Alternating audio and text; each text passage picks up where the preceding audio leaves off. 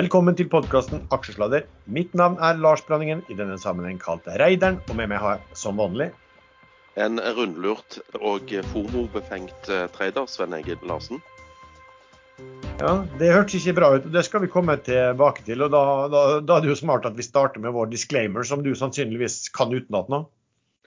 Uh, ja, nei, det kan du bare drite i. Ja. Den lærer jeg meg aldri. Nei, og um, Jallakongen han eh, tilhører jo de som har en eh, jobb og driver firma ved siden av, så han var utilgjengelig i dag.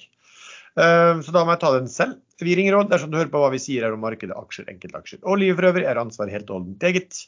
Programmet spilles inn live, og feil kan forekomme i det vi sier. Panel og panelsgjester kan være langt, kort, direkte eller indirekte eksponert i aksjer, selskaper og produkter som omtales i programmet, og vi gir altså ingen anbefalinger. Skal vi starte med hva du har holdt på med som vanlig? Ja? Hva du har holdt på med i uken som har gått, eh, Sven? Få høre. Vi må ta, det, må ta det, verste først, liksom. Eh, og det jeg ble rundlurt i denne Autostore-nedsalget i går. For, eh, for, første gang på lenge så fikk jeg FOMO. På måten dette ble gjort på, så var jeg redd for, redd for å gå glipp av en, en, en gevinst. Og det, det, er ikke bra når jeg får FOMO. Det skjer veldig, veldig sjeldent.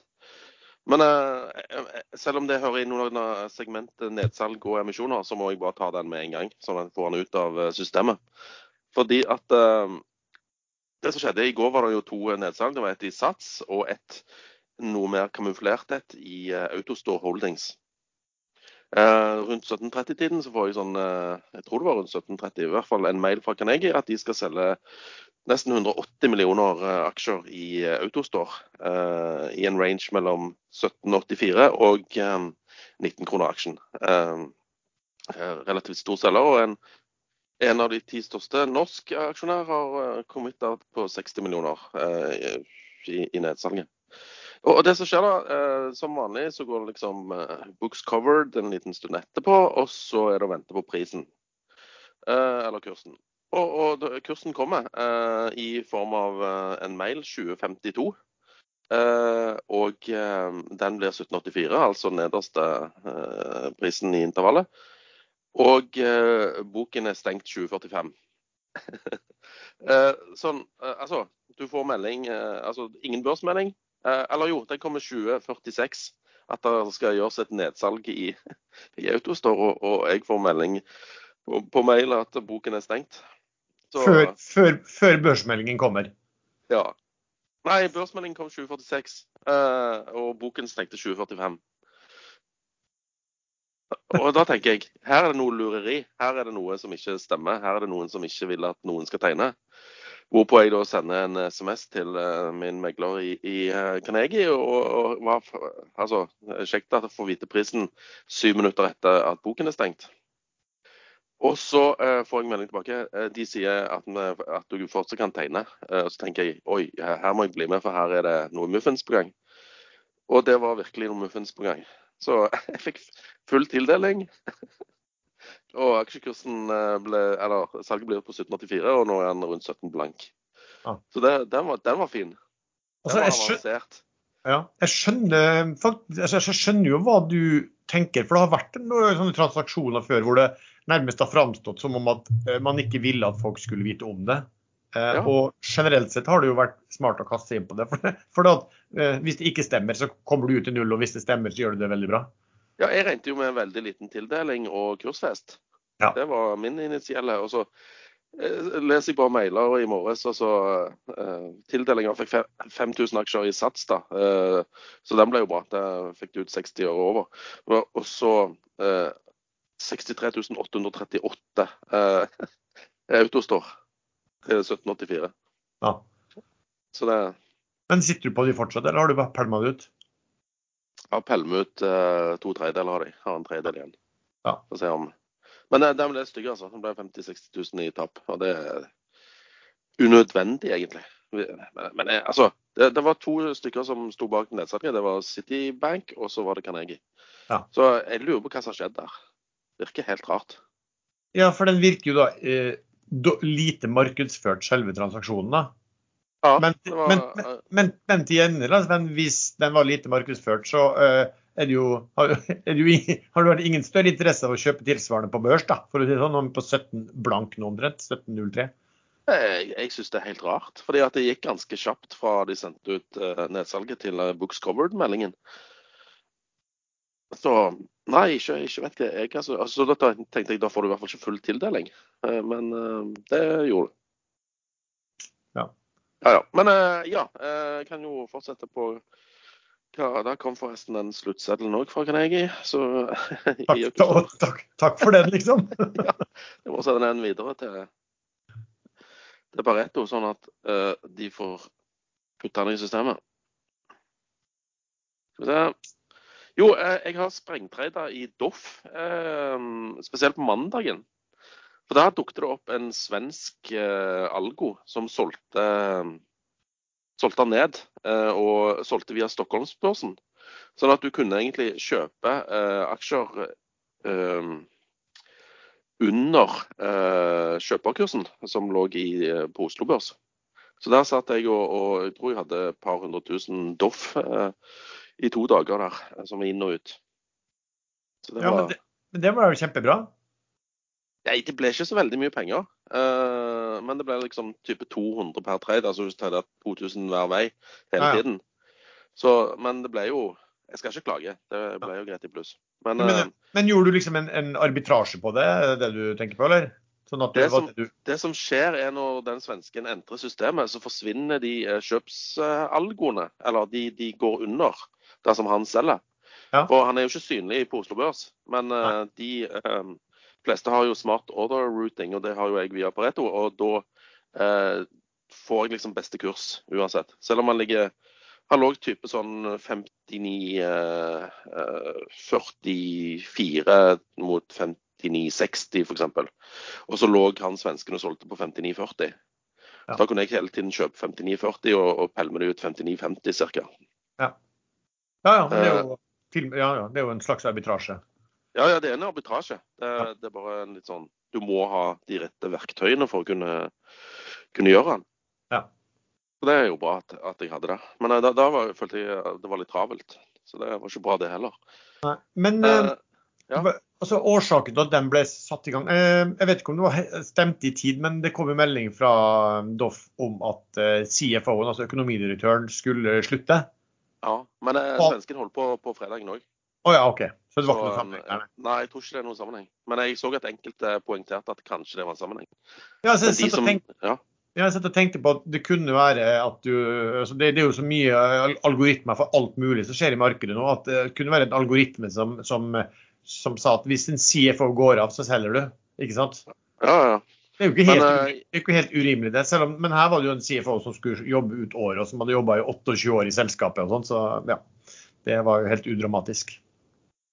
Ja, det vil jeg tro. Uh, nei, i og med at den uh, algoen holdt på børsdagen før, altså på fredagen, satt òg og holdt på sånn uh, fram og tilbake, så tror jeg ikke det var noen sammenheng. Ja.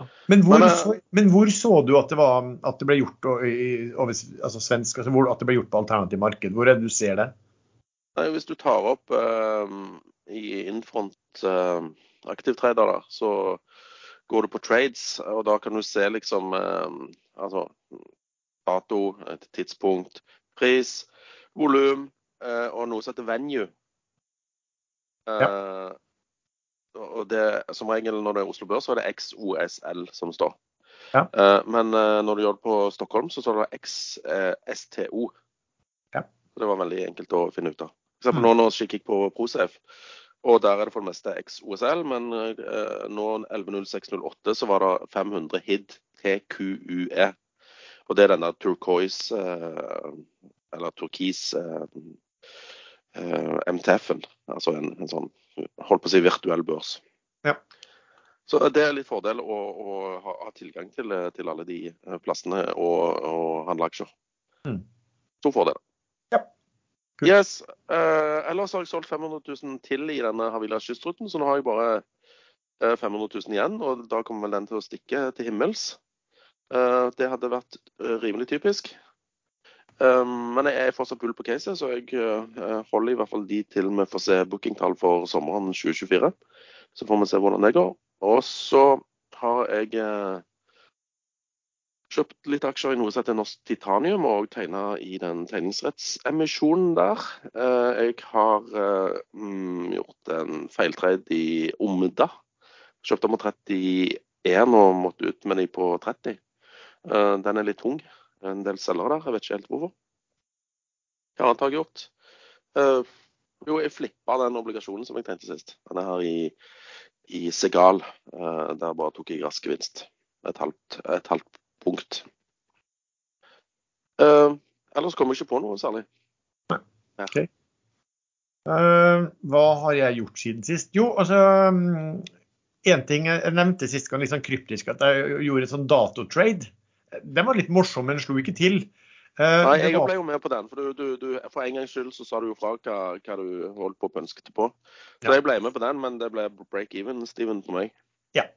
Uh, og det var fordi at Altså disse eh, skal vi kalle det Spetalen Discounts-selskapene, som sitter stappfullt med, med, med, cash langt over børsverdi og uh, strengt tatt ikke gjør noe som helst. De har alltid, både, altså det, det, er jo Saga og denne SDSD, og også Standard Supply, da, som jo er et operativt supply-selskap som har solgt ut ni av ti båter og deler penger ut til aksjonærene. Eh, de har alltid brutt og, og, rapportert på ulike dager, men denne gangen så var det faktisk eh, vår felles venn Alv som hadde oppdaget at oi, de skal nå plutselig rapportere på akkurat samme dag. Første gang. Og da var det sånn, da var tanken at Nå, nå hadde jeg ganske mye, dessverre, SDSD og Saga fra før, men da var tanken at OK, altså det er jo et selskap som er helt idiotisk at ikke noe skjer i disse selskapene. Eh, og da tenkte vi kanskje at oi, hvis de gjør noe nå, så kan det innbefatte alle selskapene. Det ville jo vært en fornuft over det. Eh, og da, da ville det være fornuftig å ha det på samme dag. Så kanskje det er noe, eh, noe som, som, som, skjer der. Så det var egentlig bare tanken på det. At, at man økte litt den posisjonen der. Men det, som du sier, det blir sånn even steven på det. altså SDSD er vel litt opp i forhold til hva jeg kjøpte akkurat nå. Og Saga er vel en prosent eller to ned, faktisk, på den, på den, på den økningen. Da. Så det, det, skjedde vel egentlig ingenting. Um, kan nevne bare Men det at, det, det, at de, det at de tok det samme dagen, er vel kanskje bare pga. at de ikke gadd å ha flere, altså møte opp på flere presentasjoner. De bare, ja. Når de først var i gang, liksom, så var ja, det, det var min hovedtese også. at uh, Det skjer jo så lite i disse selskapene. så Hvorfor skal de sitte og ha et eget styremøte på mandag, et på tirsdag og et på onsdag? liksom Hvis de bare kan smelle gjennom alle på 25 minutter eh, sammen. Um, så, så, det var jo absolutt mest sannsynlig. Ja. Men, det, men som vi sa, det, det, var jo en liten sjanse for det. og da, Jeg syns fortsatt det er et ganske bra bet. fordi at noe kan skje, og, det er vanskelig å, skje, å, tenke seg at noe skal være negativt i de selskapene eh, når de er så, så, såpass eh, priser med så enorm rabatt. Eh, men samtidig så og, samtidig hvis det ikke skjedde, så hva kan gå galt da? Liksom? Det er liksom som du sier. Du fikk, du fikk even Steven, og så hadde du du, oppsiden kom ikke, men, men, du kom ut likevel rundt, rundt null på det.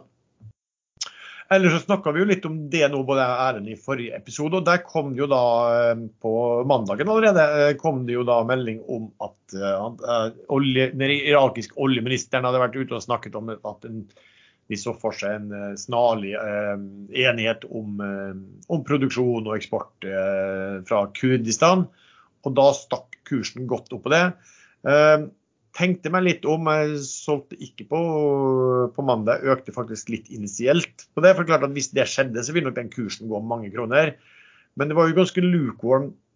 Altså det, var, det, kom liksom ikke noe fra, fra, fra meglerhus uh, på dette her, på noe der jeg tror på det. Og jeg sjekka litt, liksom, litt, rundt på noen kilder, noen som kjenner godt til det der, som også sa liksom at dette her er altså, det, Dette er komplekse forhandlinger, og, og liksom dette har de vært ute og sagt tidligere, og det har jo pågått et år. Så da tenkte jeg at OK, hvis det er sånn, så, uh, så faller den jo fort tilbake igjen. ikke sant? Hvis, ingen, hvis, man ikke tror på det, for da får du ofte et sånn boost på nyhet. Så da uh, solgte jeg ut den. Kommer sikkert snart til å kjøpe inn igjen, tenker jeg. ja, det var disse men, men, men, det er noe der. Kom det ikke en melding fra Irak òg at de skulle monitorere altså, produksjonen sin de neste fire månedene. Og, og for å være i uh, overensstemmelse med OPEC-kuttene som de hadde som de, hadde, som de var enig, enig i. Og, ja. og, Det vil jo føre til at det ikke kommer særlig mye mer eksport da, på fire måneder.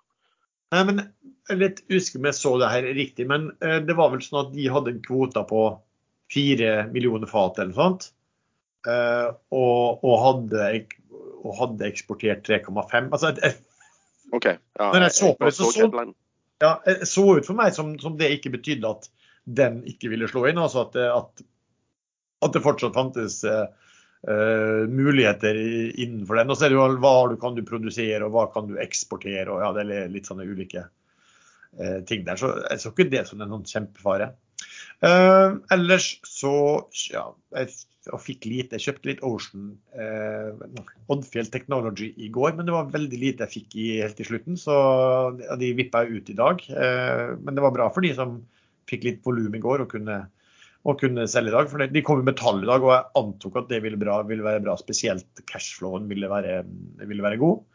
Uh, kjøpte en god del uh, Bonheur for et par dager siden, for ja, 2425.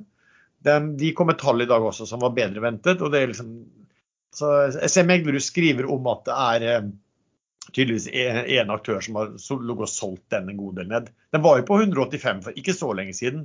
Stakk til 260 plutselig, og så har den da eh, falt igjen da ned mot var den, på noe, den var jo faktisk oppe i 220 en liten periode etter eh, tallet kom, men nå har den vel falt tilbake igjen. og er vel sånn rundt prosent opp i stad sist jeg hoppa det. Skal vi se hva den er på nå. Ja, på ja, 209, noen, den, den flat for dagen. Eh, sånn sett. Så so, so, far, so good, men, men, ikke, men, ikke, men ikke, mye. Eh, altså får vi se da, hvis det, hvis det, er en del aksjer der ute som skal spises opp fra en aktør. De, de, de snakket om at det kanskje skulle være en sånn indeksaktør eh, som, som solgte pga. det.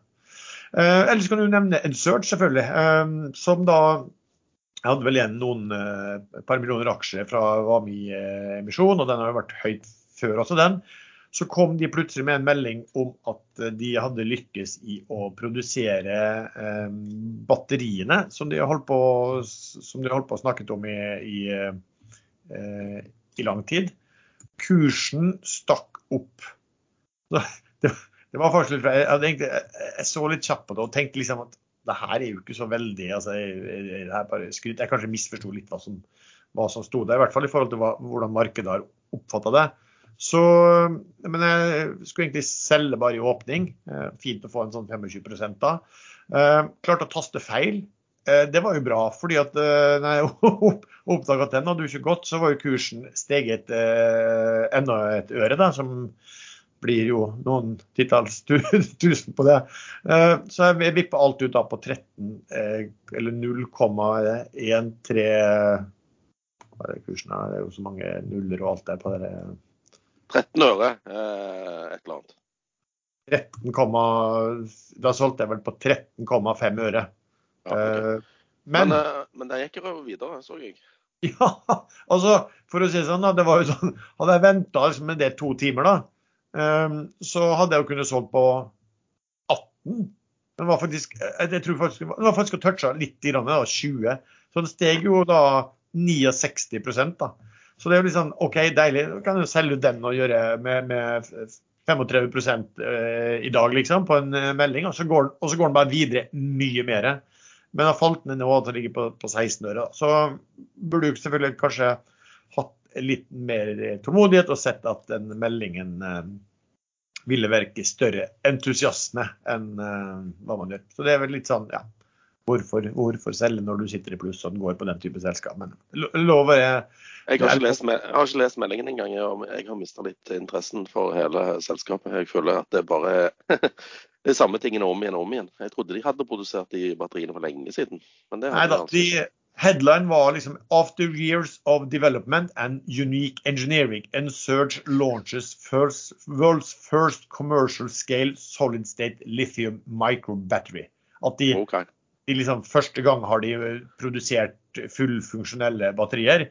Um, men så er det jo sånn at da, og nå kan det begynne kommersiell og rampe opp på produksjon, da. Men de må jo ha 'in order to meet the demand', som de sier, altså for å møte etterspørsel. Men etter det jeg forstår, så har de vel ingen ordre. Eh, sånn sett da. De er vel tom for penger snart. De må jo snart uh, komme med en emisjon. Så håper jeg vel at det kanskje at de kan ri på denne her. Kanskje de kan få meldt noe ordre, og så sette emisjonen på, på en fin kurs. Det, det, pleier jo å være ti året. Ja, det har vært det nå, men, men, kanskje nå når de kanskje har fått gjort litt, kommet seg lenger teknologisk, og i hvert fall hvis de kan få, hvis de kan få ordre, så, så, er vel, så, er vel, målsettingen helt sikkert å få satt den på, på uh, klart høyere kurs. Da. Så vi får se. Så den var jo det, det, det, er jo alltid artig med gevinst, men det er jo en, en, mye artigere hvis du kan sitte og, og, og ri og, og, ha en mye større gevinst. Da. Men, den, men sånn er det. Um, del to av hva vi bruker å snakke om når det gjelder sånne ting som har skjedd i uken, er jo da eh, emisjoner og nedsalg. Og nå begynte det virkelig å ta av. Du har jo nevnt Autostore eh, allerede, men hva ellers? Hva ellers? Ja, I føljetongen uh, traderen gjør feil, uh, så kan vi ta med Hunter Group. Der fikk jeg jo aksjene en dag Eller jeg kunne selge aksjer i, på en sånn if issued-basis. Og emisjonskursen var jo 1,75. Og jeg hadde sagt til Fearnley at ja, jeg kan selge dem på 1,95. Og så dagen før egentlig aksjene kommer, da, så, så hadde de kjøper på Sikkert to kroner òg, men jeg solgte på 1,95. Og I dag er den 2,30, fordi at eh, raten i det, dette her uh, tankemarkedet har gått eh, rett opp. Men uansett, aksjene er kommet. En, han tredde 2,30. kursen var 1,75. Gratulerer til de som var med der, og som ikke var Ja, de som hadde is i, is i magen. Jeg er fortsatt i Spania, jeg skal hjem i morgen. Men eh, jeg òg har spist is eh, et par dager. Men eh, kan vel ikke si at jeg hadde is i magen der. Nei, du, gjorde, ja, du, gjorde en, du, gjorde, en, Lars Jensu omtrent. da Vi var partners in crime egentlig der, da, som pumpa ut litt tidlig. Ja, jeg ikke helt Treffer ikke helt planken uh, for, om dagen. Men uh, det er sånne perioder som kommer av og til. Og de har jeg lært å leve med. Det er bare å akseptere at du av og til gjør litt feil. Han tjente jo penger eh, på denne her Hunteren, men han kunne jo tjent mye mer. Ja. Så det er jo egentlig en feil. Så de kom. Sats gjorde et nedsalg i går på 17, 17 kroner. Jeg fikk 5000 aksjer tildelt. Altså veldig lite i forhold til minstetegning på rundt 1,2 millioner. Solgte de 60 øre i fortjeneste. Det er på 1740 nå. Ja, så, altså, men det var så lite aksjer, så jippi, jeg har tjent en tusenlapp ekstra. Satsa jo, men altså, det er jo penger det. Satsa jo, har jo en veldig fin utvikling da, siste, ja, ja. siste måneden også. Men, men, men, der er det et nedsalg som virker sånn som det skal, liksom. Eh, stor interesse, eh, rabatt eh, og liten tildeling. Garantert eh, plusspenger. Ja. Så ja, eh, så har vi denne her eh, Autostore som jeg har snakket om. Trenger ikke ta den en gang til. Og så føler jeg elimportøren, elektroimportøren, de ja. gjorde en emisjon på 7,5. Veldig liten rabatt i forhold til det siste omsatt. Denne her var veldig venta. Og samtidig meldte de at de hadde oppnådd enighet med den norske bank, DNB, om å ny finansiering og forlenge de lånene de allerede hadde. Så da håper vi jo at det er nok til at de klarer seg. Aksjene kommer vel ikke før i begynnelsen av mars, men den handler sist jeg så eh, fint på Hvor er han i dag? Han var 9,5 ca. i går. Skal vi se. Jeg bare klakke inn den.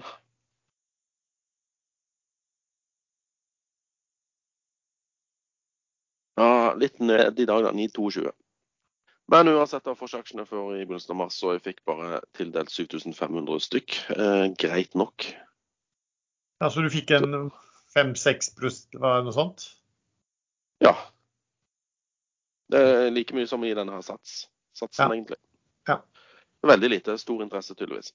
Ja, for der tok jo store aksjonærer tok jo, ja, de, de, tok jo store deler der. Men de tok liksom sin del og, og, og vel så bra. Ja, jeg tipper hvis du hadde vært aksjonær, så, så hadde du sikkert fått bedre tildeling enn ja. de som ikke var. Forhåpentligvis. Det, jo, det, det var det beste. Eh, så var det vel en eh, emisjon som eh, ble annonsert etter klokken 22 i forgår. Det var Cadeler. Dette er danske vindinstallasjonsskipsaksjeselskapet. Det ble gjort på 44,5. Jeg vet, det var ikke mer på den. Men jeg vet ikke hva, hvordan tildelingen var. Jeg tror det var, hva var det, en sånn 7% rabatt eller noe fra sist? Ja, rundt der. Og, og der, der, Jeg vet ikke om de kunne handles umiddelbart, uh, men hvis de kunne, så tjente du en halvannen krone på den dagen etterpå. Men i dag er han uh, ned en del i forhold til uh, i går, da. Ja. Men da har vi vel kanskje fått med oss alle? Nei, vi har jo ikke helt det. Vi har denne som heter den er Norsk Solar før, det er vel Norsk Renewables nå. Uh, mulig at ja. vi nevnte den sist gang, for det er jo, det er jo meldt de holdt på med noen ting. Stemmer. Der var største eier uh, uh, Valinor. De hadde Eller selskapet Norsk Renewables er eid 53% av Valinor, som er en kar som heter Lars Helvig fra Stavanger. Han ble såpass lei av at ingen andre ville støtte opp her, så han garanterte for 30 eh, millioner kroner i en emisjon til kurs 30 øre via Pareto. Og det var rom for å tegne ytterligere 15 millioner, opp til 45 millioner. Eh, fasit ble at det kom 6 millioner kroner eh, ekstra i forhold til de 30 fra Valinor. Men det, jeg kjøpte jo aksjer der i går, jeg, i, i norsk Ensol. På rundt 37, 37 øre. Og, og, og, den da Den gikk X eh, i går. Altså han er X i dag, da, for å si det sånn. Det visste ja. jo ikke jeg. Så nå har jeg jo plutselig mulighet for å tegne aksjer til 30 øre eh, som en slags opsjon. da. Men, eh, ja. Så det var jo litt hyggelig. Ja. Men, og, men tar... hvor, hvor, stor er den altså, det, det, er nesten litt, men, men, det er klart, det er nesten litt rart å ha reparasjonsemisjon, men, egentlig, men jeg tenker meg egentlig ikke. fordi at For at du skulle vært med i den vanlige emisjonen, så måtte du vel sikkert opp med de 100 000 euroene. Eh, og som sagt, av de 15 utenom han eh, Helvig, så var det altså bare seks som ble tegna. Så hadde du tegna der, så hadde du fått full tildeling. Ja, og da det, I en rep-emisjon så kan du jo heller uh, tilpasse din egen økonomi, holdt jeg på å si. Ja. Men det kan godt være at det blir en veldig bra deal fra 30 år. Det, det vet jeg ikke ennå. Men uh, jeg, grunnen til at jeg kjøpte uh, aksjer på 37-året, det var jo fordi at de nye aksjene i den 36 millioners-saken ikke kommer før 4. april. Så jeg tenkte å utnytte av uh, vår venn Jallakongens uh, vakuumteori. Og at det kan bli litt oppgang der fram til aksjene kommer. Ja, ja. Så, fikk du, så, fikk du, retten også, da, så det var jo ikke så, ikke så verst. Det. Nei, det var jo, var jo hyggelig. Ellers så er det vel to stykker som har en som holder på, vel, gjør den ikke det? Og en som varsler at den skal komme. Det er eh, det ikke Kapsol som holder på med misjonen? Jo, vi har Pareto, vi har Pareto den òg. Fast pris, eh, var den over eller under børskurs? Eh, ganske sikker på at den var under, men ikke så mye. OK. Jeg syns det var sånn fastpris 1260, og jeg vet ikke om den kapsolen hvor den er nå. Den er Den er 1260. Nei, 1270 faktisk. Ja. Uh, og skal vi se Launch of Prime 1260, ja. Det er et merkelig opplegg. Ja, og den uh, skal stenges uh, Den, den, den starta den altså på onsdag morgen, og så at den skal stenge på fredag ettermiddag, altså i dag ettermiddag. da. ja. Det er et eller annet med de som foregår over litt lang tid, altså, og at liksom du, du folk venter, altså begynner kursen å dette fordi at det er lavere og sånn, og så plutselig så er det liksom, har kursen falt ned, ned, ned mot og under hva grensen er. Ja. Men det er kanskje at jeg vet ikke hvor mye de hadde, hadde pre-committed på det. Eh, eh, en del, men ikke veldig mye, tror jeg. Nei, og så må vi ta med en Det kunne godt være for, for meg og deg hvis vi da hadde kjøpt ca. Eh, før tall. Da hadde vi slitt. De kom jo med tall i går, og falt jo Jeg vet ikke hvor mye de falt i går, men det var sånn type 25-26 hvis jeg ikke husker feil. Ja. Dagen før tallet var han på, slutta han på 3,05, eh, og i går slutta han på 2,25. Og nå er han på 1,73. Så nesten en halvering der på to dager. Fordi at ja, jeg tror ikke tallene var så ræva som skulle, eh, skulle, tilsi eh, en halvering. Men nederst i, i resultatmeldingen så kommer det jo at de trenger penger. Og de trenger 40 millioner euro. Og selskapet er cappa til 211 millioner kroner eh, akkurat nå. Eh, så det blir jo en liten utvanning der. Eh, de har fått på plass et lån eh, på 20 millioner euro. Men det betinger at de får tak i en garantist. Ja, det, det så jeg også, så jeg tenkte at OK, det, det å fortelle da, ja, da, da, har vi, da har vi sikra oss halvparten hvis vi får til det. ja, men å, garantere, men å garantere for et lån, liksom, det er, jo, det er jo ikke så lett å få noen det, For å si sånn, det er ikke bare en bank som stiller opp med det altså uten videre. Det bruker jo fort å koste for et selskap som skal låne. Bare, bare det lånet her er jo, er jo mer enn børsverdien på hele selskapet per i dag. ikke sant? Så, ja. ja, og så har de engasjert Pareto Securities da, for å hente restansen, hvis det er lov å si. Ja. Vet du hva? Husk, husker du eh, Og dette var vel mens han Peter Hermanrud var i eh, Sparebank1 Eh, og Sparebank1 hadde det som sånn superfavoritter. og Jeg lurer på om de får snakke om at den, det var en altså jeg, jeg, tror de snakker om at dette var en sånn 10-20-gangeren på førstesiden i avisen. og sånn, og da, da, tror jeg kursen var, var over i 20. altså det var, Dette var noen som kunne gå til, gå til mange hundre. Eh, og nå i dag er kursen 1,73, altså. Ja, og, Så, de penger, og de trenger penger. Ja, for det, og det er en litt sånn spin, ikke spin-off, men jeg tror Norske Skog er vel fortsatt ganske stor eh, eier der. Det har ikke vært noe, ikke vært noe eventyr for Norske Skog i den siste perioden heller. Skal vi se hva Norske Skog eier 26 eier Norske Skog. Ja. Av de. Så de trenger penger. De bygger jo en ny fabrikk, og det er vel noe sånn ny type slags råvarer eller produkt de skal, de skal uh, lage. Og så har de da, som alle andre som i en periode begynte å skulle bygge, bygge, fabrikker og bygge hva det måtte være, har de også selvfølgelig blitt tatt av eh, inflasjon og problemer i, i leverandørkjeder og litt sånn der. Så det har blitt en, en god del dyrere da, enn hva de, eh, hva de hadde forventa. Men eh, jeg, jeg, tror nok der hvis du har penger til over, så har lyst til å, å bli majoritetseier i et norsk eh, norsk uh, Euronext Growth-selskap, så er det sikkert bare å ta kontakt med Pareto. Og du kan sikkert få god kurs òg, vil jeg tro. Ja, får vi se. Det blir jo interessant å se hva, hva, hva kursen ender med der. Og om, og om, de får med noen, noen industrielle, og også hva, liksom, hva ja, Du har jo Norske Skog, da. Kanskje de, ja, ja. Vil, eh, kanskje de vil eh, bidra litt. Men det er ikke sikkert. Nei, og det, det, tyder, det tyder jo ikke veldig på det. For at det å når du begynner å snakke om at vi holder på med og vi kommer til å trenge så og så mye. Altså, ja.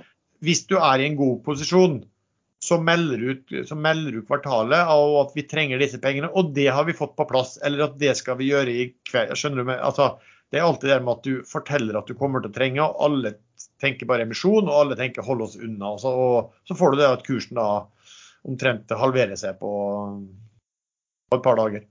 Ja, Det er som regel ikke lurt å, å, å, å, si det så konkret. Vi trenger 40 millioner euro før sommeren. Nei, og når du, når du er så konkret, så er det vel et tegn på at eh, du, altså, Det er jo ikke sånn at du begynner å tenke på det da, dette har du jo tenkt på lenge. Så det er vel et tegn på at det ikke står folk eh, akkurat i, i, kø. da. Så er forresten eh, Ocean, eh, nei, Oddfjell Technology opp, eh, nest, snart opp nesten 10 ja, opp over 60 kroner. Det ble en fin oppgang på, på de, de, tallene. Uh, har vi mer da, egentlig, av sånne type emisjoner og den biten der? Det var mye den gangen der. Nettsalg og Ja, altfor alt, alt for mye. Og, og spesielt det autostore helvete. Det kunne du hatt for seg sjøl. Ja. Uh, altså, jeg grepet av FOMO. Jeg sender melding til megler. Er det dårlig gjort? Dårlig gjort, altså sånn. Ja, du kan fortsatt få tegne. Å ja, takk. Ah, ja.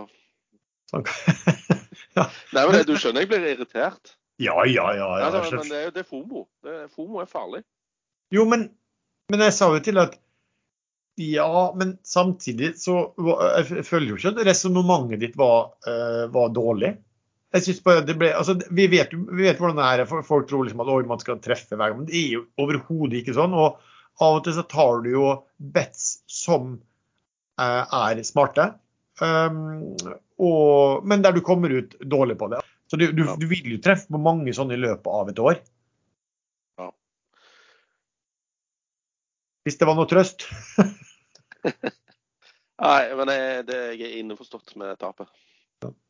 Uh, jeg Jeg har akseptert det og gått videre. Ja, per akkurat Men ikke uten irritasjon. Nei. akkurat nå er vi ferdig med den saken. Um, ser forresten da, Hvis vi ser på siste uken hvem som er de fem øverste vinnerne, så er det jo da en Search opp 53% Tomra opp 26 Reach opp 22 Teko opp 22. Overraskende. Etter at de ble meldt at de ikke hadde penger til å betale lønninger, så er de opp 20 Og, eh, Sparer jo en del da på å ikke betale lønn. Kanskje derfor. Ja, sikkert. Kongsberg Gruppen, da, fantastisk. altså Store selskaper leverer sånne tall opp 20% på en uke. Eh, på ned, de som er nede, er jo da Tomra, da? Hvorfor er ikke Tomra på den listen? Den steg jo 30 jo, i går. Ja, sa du Tomra? Den eh, sa jeg som nummer to. Oh, ja, okay.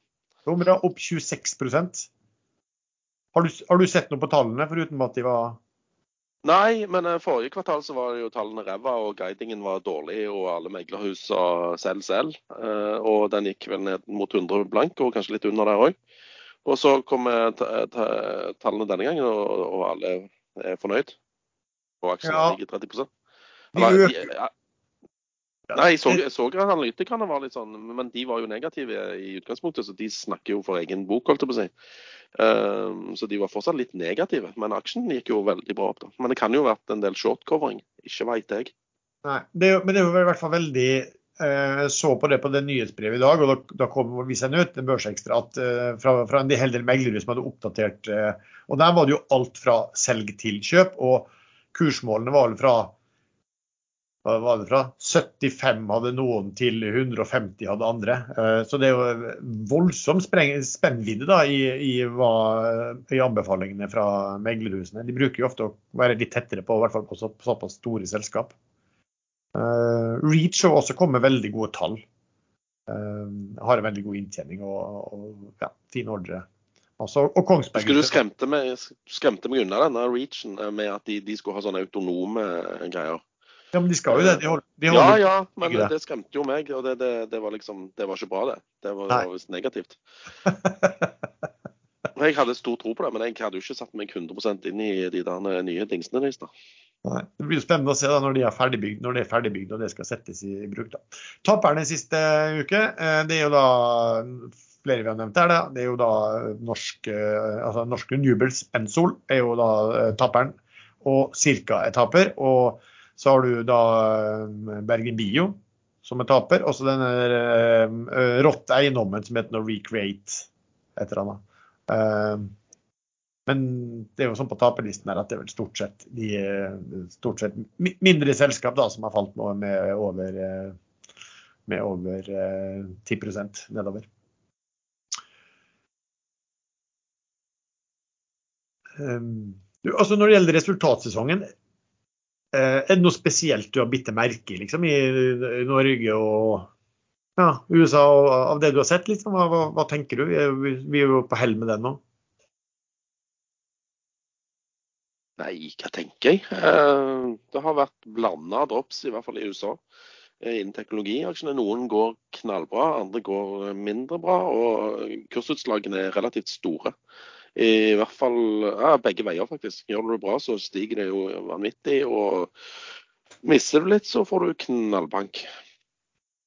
Så nei, blanda drops, vil jeg si. Ja.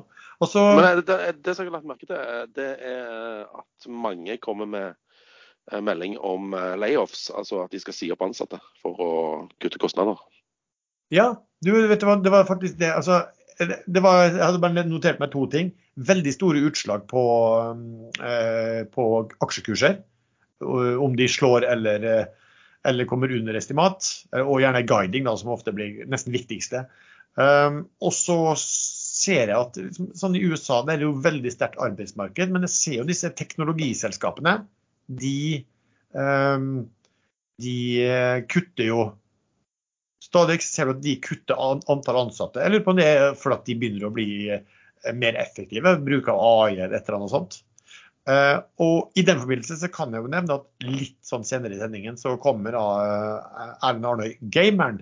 Han er jo sjef for et IT-selskap. Så da skal vi snakke litt om uh, AI og AI-aksjer, og så skal vi snakke litt om krypto også. Så det blir jo bra. Og så er det et spørsmål her på Vi kan jo knytte det til andre ting også, men en spørsmål fra en eh, lytter her som gikk på eh, analytikerne. Eh, det er da hva, hva, tenker du? Altså, har de frihet fra arbeidsgiveren, altså meglerhuset, til å gjøre de anbefalingene, eller ligger det føringer? Og Det er det ene spørsmålet. og om man tror de er biased i forhold til tidligere analyser, og om de ikke har frykt for å ta feil og at de liksom posisjonerer anbefalingen sin etter det. Hva tenker du på det, Sven? Nei, Jeg håper nå virkelig ikke at uh, det, uh, meglerhuset dikterer hva en analytiker skal mene. Det håper jeg faktisk analyt analytikeren sjøl klarer å avgjøre. Men uh, ja, vi har vel sett sånn vi har vel sett eksempler uh, der liksom meglerhuset har et uh, mulig corporate-oppdrag på gang hvor uh, analytiker er, er relativt positiv til, til aksjen i forkant. jeg vet jo at Thomas Nilsen han var jo òg analytiker, og han var Ja, han ble jeg vet ikke om han ble diktert til å mene noe, men eh, han mente det han mente. Og det var uh, noen ganger ikke i tråd med uh, corporate-oppdragene, uh, har jeg lest så, og, og, hørt. Så jeg håper jo analytikerne tar sine egne beslutninger. Ja. Basert på egen, egne modeller og overbevisninger. Jeg har jo vært analytiker selv. Jeg husker det var ett selskap det, de som ba meg Kanskje du kan lage en analyse på det? Og da sa jeg at ja, jeg kan gjøre det, men jeg kommer til å mene dette. Og hvorpå de sa jeg tror vi finner noe annet i en annen, en annen å lage den analysen. Men, men, men, det er jo litt sånn, altså per definisjon, du tjener jo ikke penger på analyser. Du, du tjener jo pengene på, på aksjemidler, men fremfor alt da på, på, corporate. Det er klart det skal mye til å begynne å slakte en, en, en, en aksje hvis, hvis selskapet er stor, større kunde hos arbeidsgiveren din. Eller at du, altså du, du skjønner jo på en del selskap at du vet at her kan det komme oppdrag både på emisjoner og på nedsalg og, og, og det der. Du, du, er ikke dummere enn at you, you, know the game, liksom. Du, du er ikke dummere enn at du, skjønner at for, for, din arbeidsgiver så vil det ikke være bra hvis du skulle være eh, for negativ. Da. Og det, det skal, man skal jo ofte ikke på en del selskap. Det er ikke så mye du skal endre på de forutsetningene de tar fra ting går fra å se surt ut til, til ting ser ganske bra ut. da.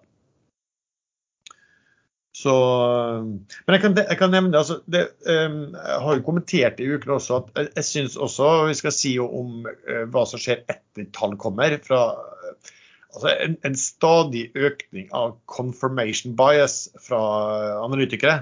Uh, det vil si at de, når, når, selskap kommer med tall, så bruker jo meglerne å fortelle hva de syns om de tallene. Uh, ofte har de jo kommet med tall på hvor de tror de vil komme, og det er jo blitt en, en, en rariteter å lese, og nesten litt sånn ufrivillig morsomt av og til, å lese om hvordan de beskriver tall, uh, spesielt tall som har skuffet da, i forhold til deres estimat, og i hvert fall i et selskap hvor de, hvor de er bull, bullish. Og da er det jo liksom altså det er jo sånn hvis du har bomma Jeg har jo sett sånn at man har bomma med 30 liksom, eh, på resultatet. Slightly below, liksom. Men, men, guidingen er bra og bla, bla, bla.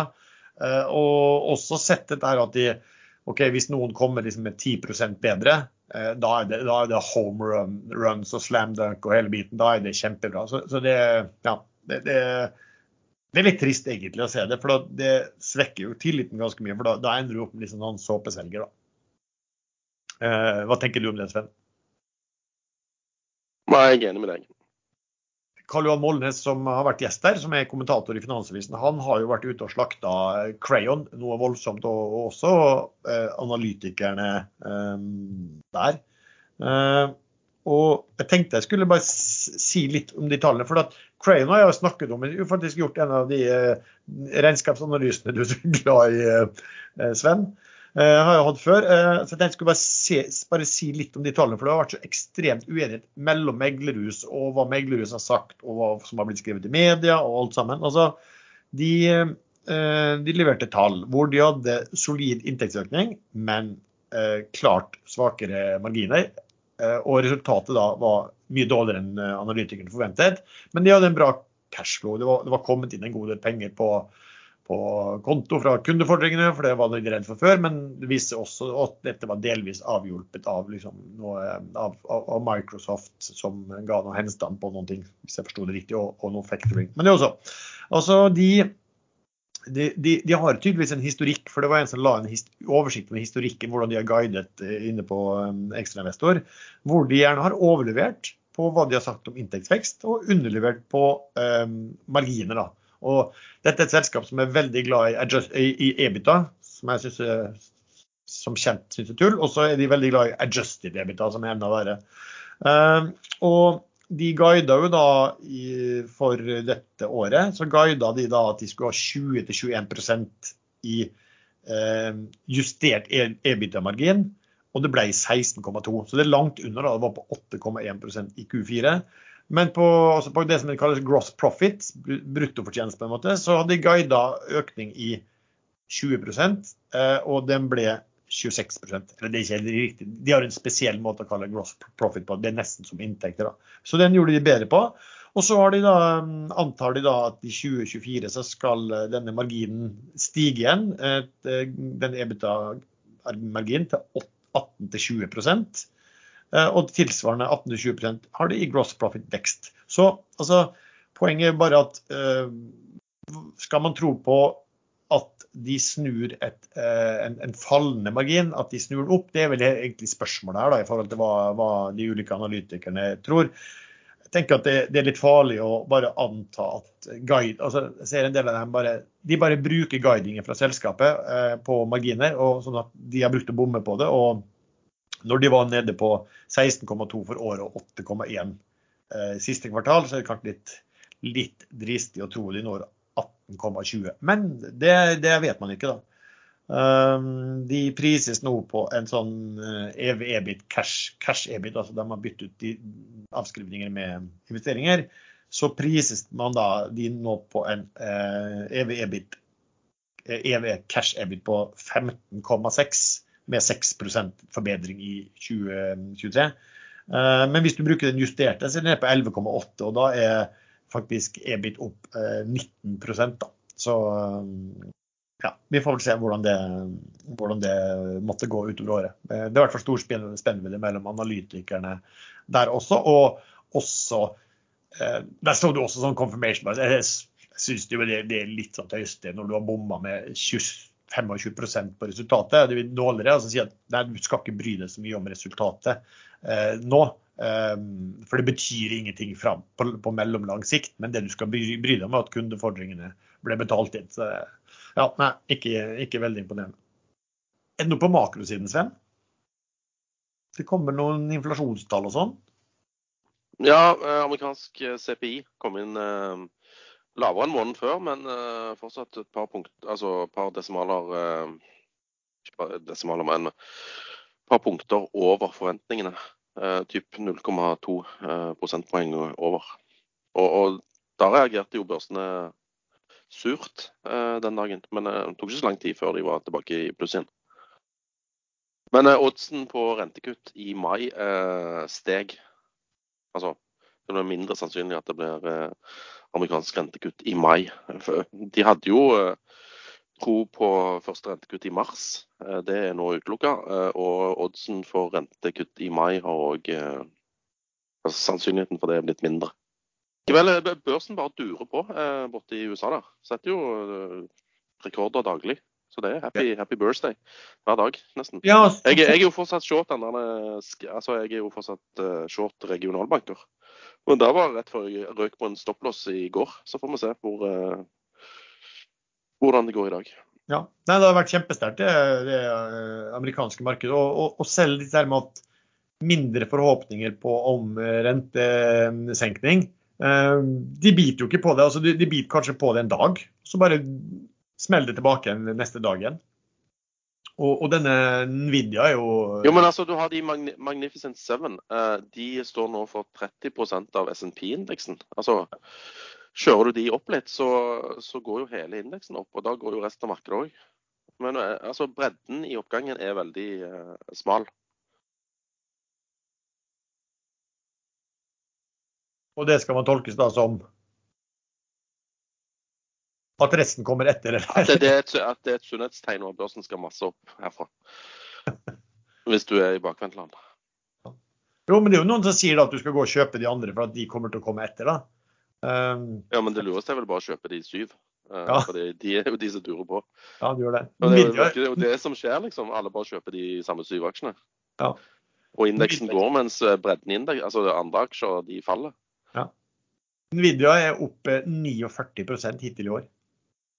Det er brutalt for et eh, så stort selskap på en og en halv måned, liksom. Jeg skal spørre litt Arnøy om den når vi får en prat med han litt senere i sendingen.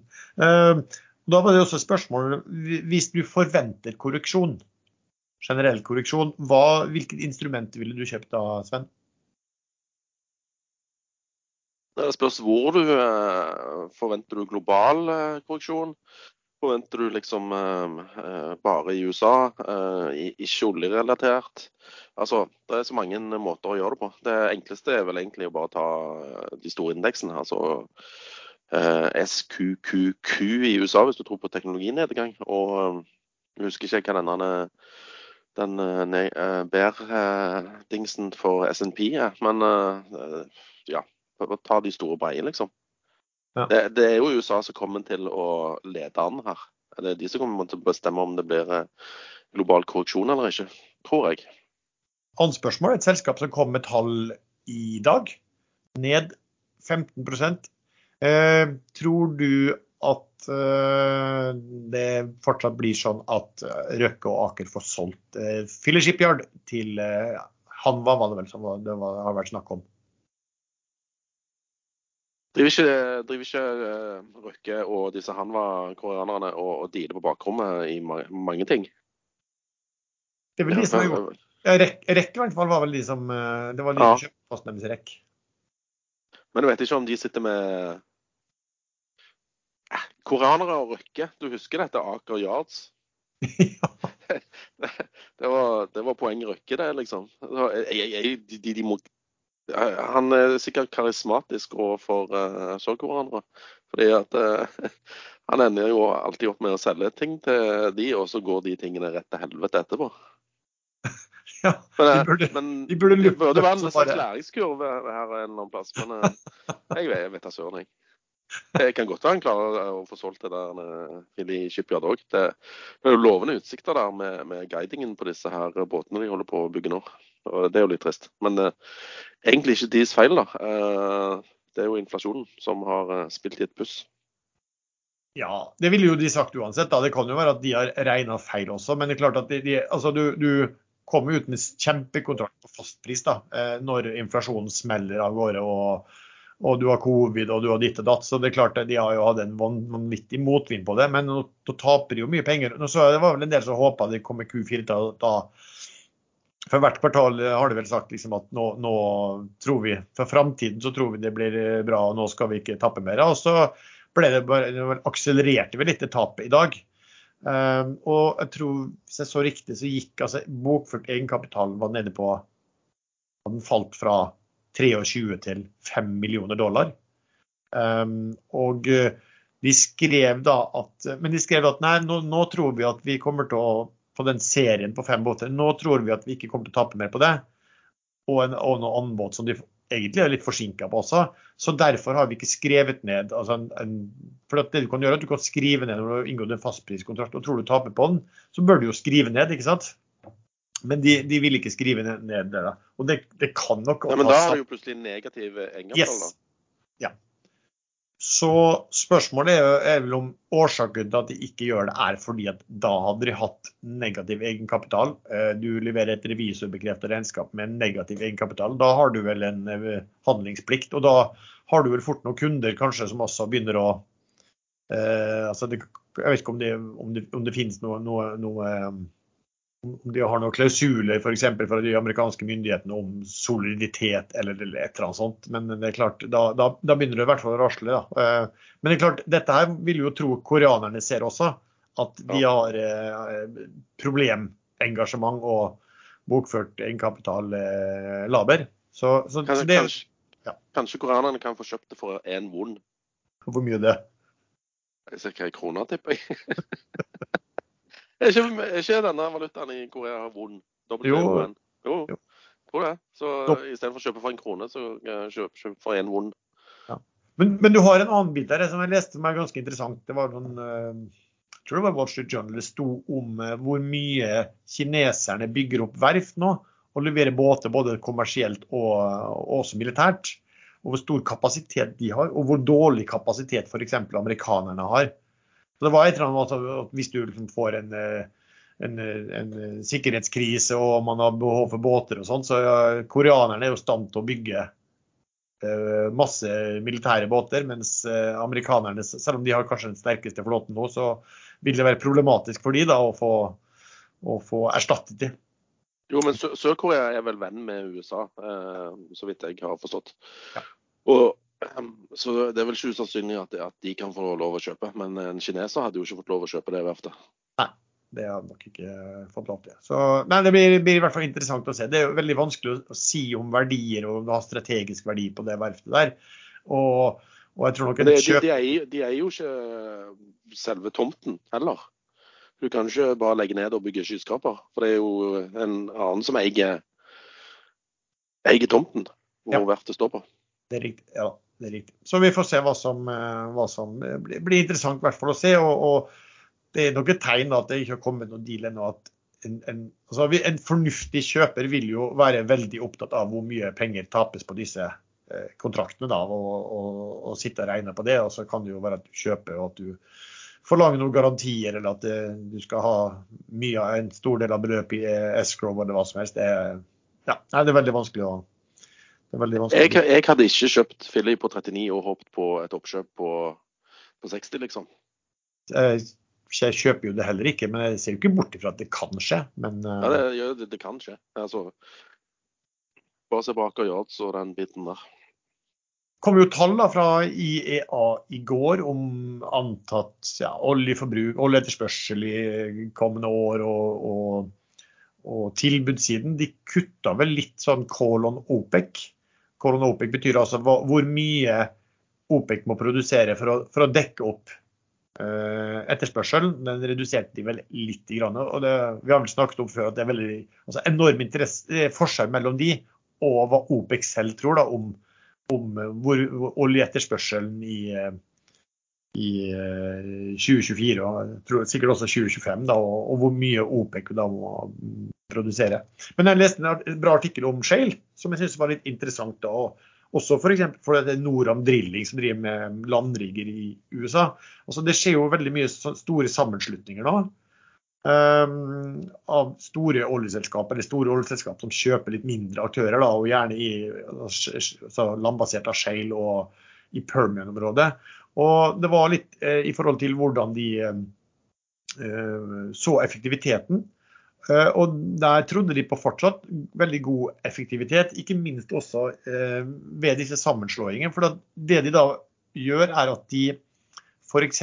kjøper eh, lisenser som ligger Nabolisenser, da. Prøve å få tak i det, som ligger inntil hverandre. For det betyr at du kan båre over til den andre lisensen med samme rigg. For det de, disse riggene gjør, de de går jo ned, og så går de eh, eh, horisontalt. Eh, og det er jo der de har blitt så effektive, ikke sant? og går langt av gårde. Eh, og de kan jo gå enda lengre hvis de eh, For du, du, kan jo ikke bore deg inn på nabolisensen og, og, og, ta oljen der, ikke sant. Men hvis du nå har oljelisensen, så kan du gjøre det sånn at du kan få boret lengre Um, altså, ha lengre brønner, da, og, og da Og da kunne få mer per rigg, sånn som jeg forsto det. var i hvert fall en del av, av effektiviteten, den åpenbare effektiviteten som de, eh, de, ser på her. da. Ja, jeg, jeg, tror i gamle dager så gjorde de sånn som du skisserte, at de bådde seg litt inn på nabolisensen. Ja, men det, men det ble det vel slutt med? Ja, det var i oljealderens spede begynnelse i USA. Jeg tror de har lagt film om det. Er det, er det, er det, ikke den der 'There Will Be Blood', eller? Er det noe jo, jo, jo, stemmer det. Ja, ja den, det er bra. Det er allerede utprøvd. Ja. ja så, de, så, de, kommer sikkert til å bli mer effektive der. og Det er da spørsmål om hvor mye effektive og hva vil det medføre for, uh, for riggene. Og så er det vel sånn at på Shale at man antar vel at, at produksjonen i år blir uh, altså veksten i år da blir eh, en hel del mindre enn i fjor. For at de vil fortsatt være disiplinerte. Det er fortsatt de store som vil sitte mer i førersetet. Og sammenslåinger gjør egentlig bare at de, at de eh, ja, blir, mer, eh, blir mer effektive.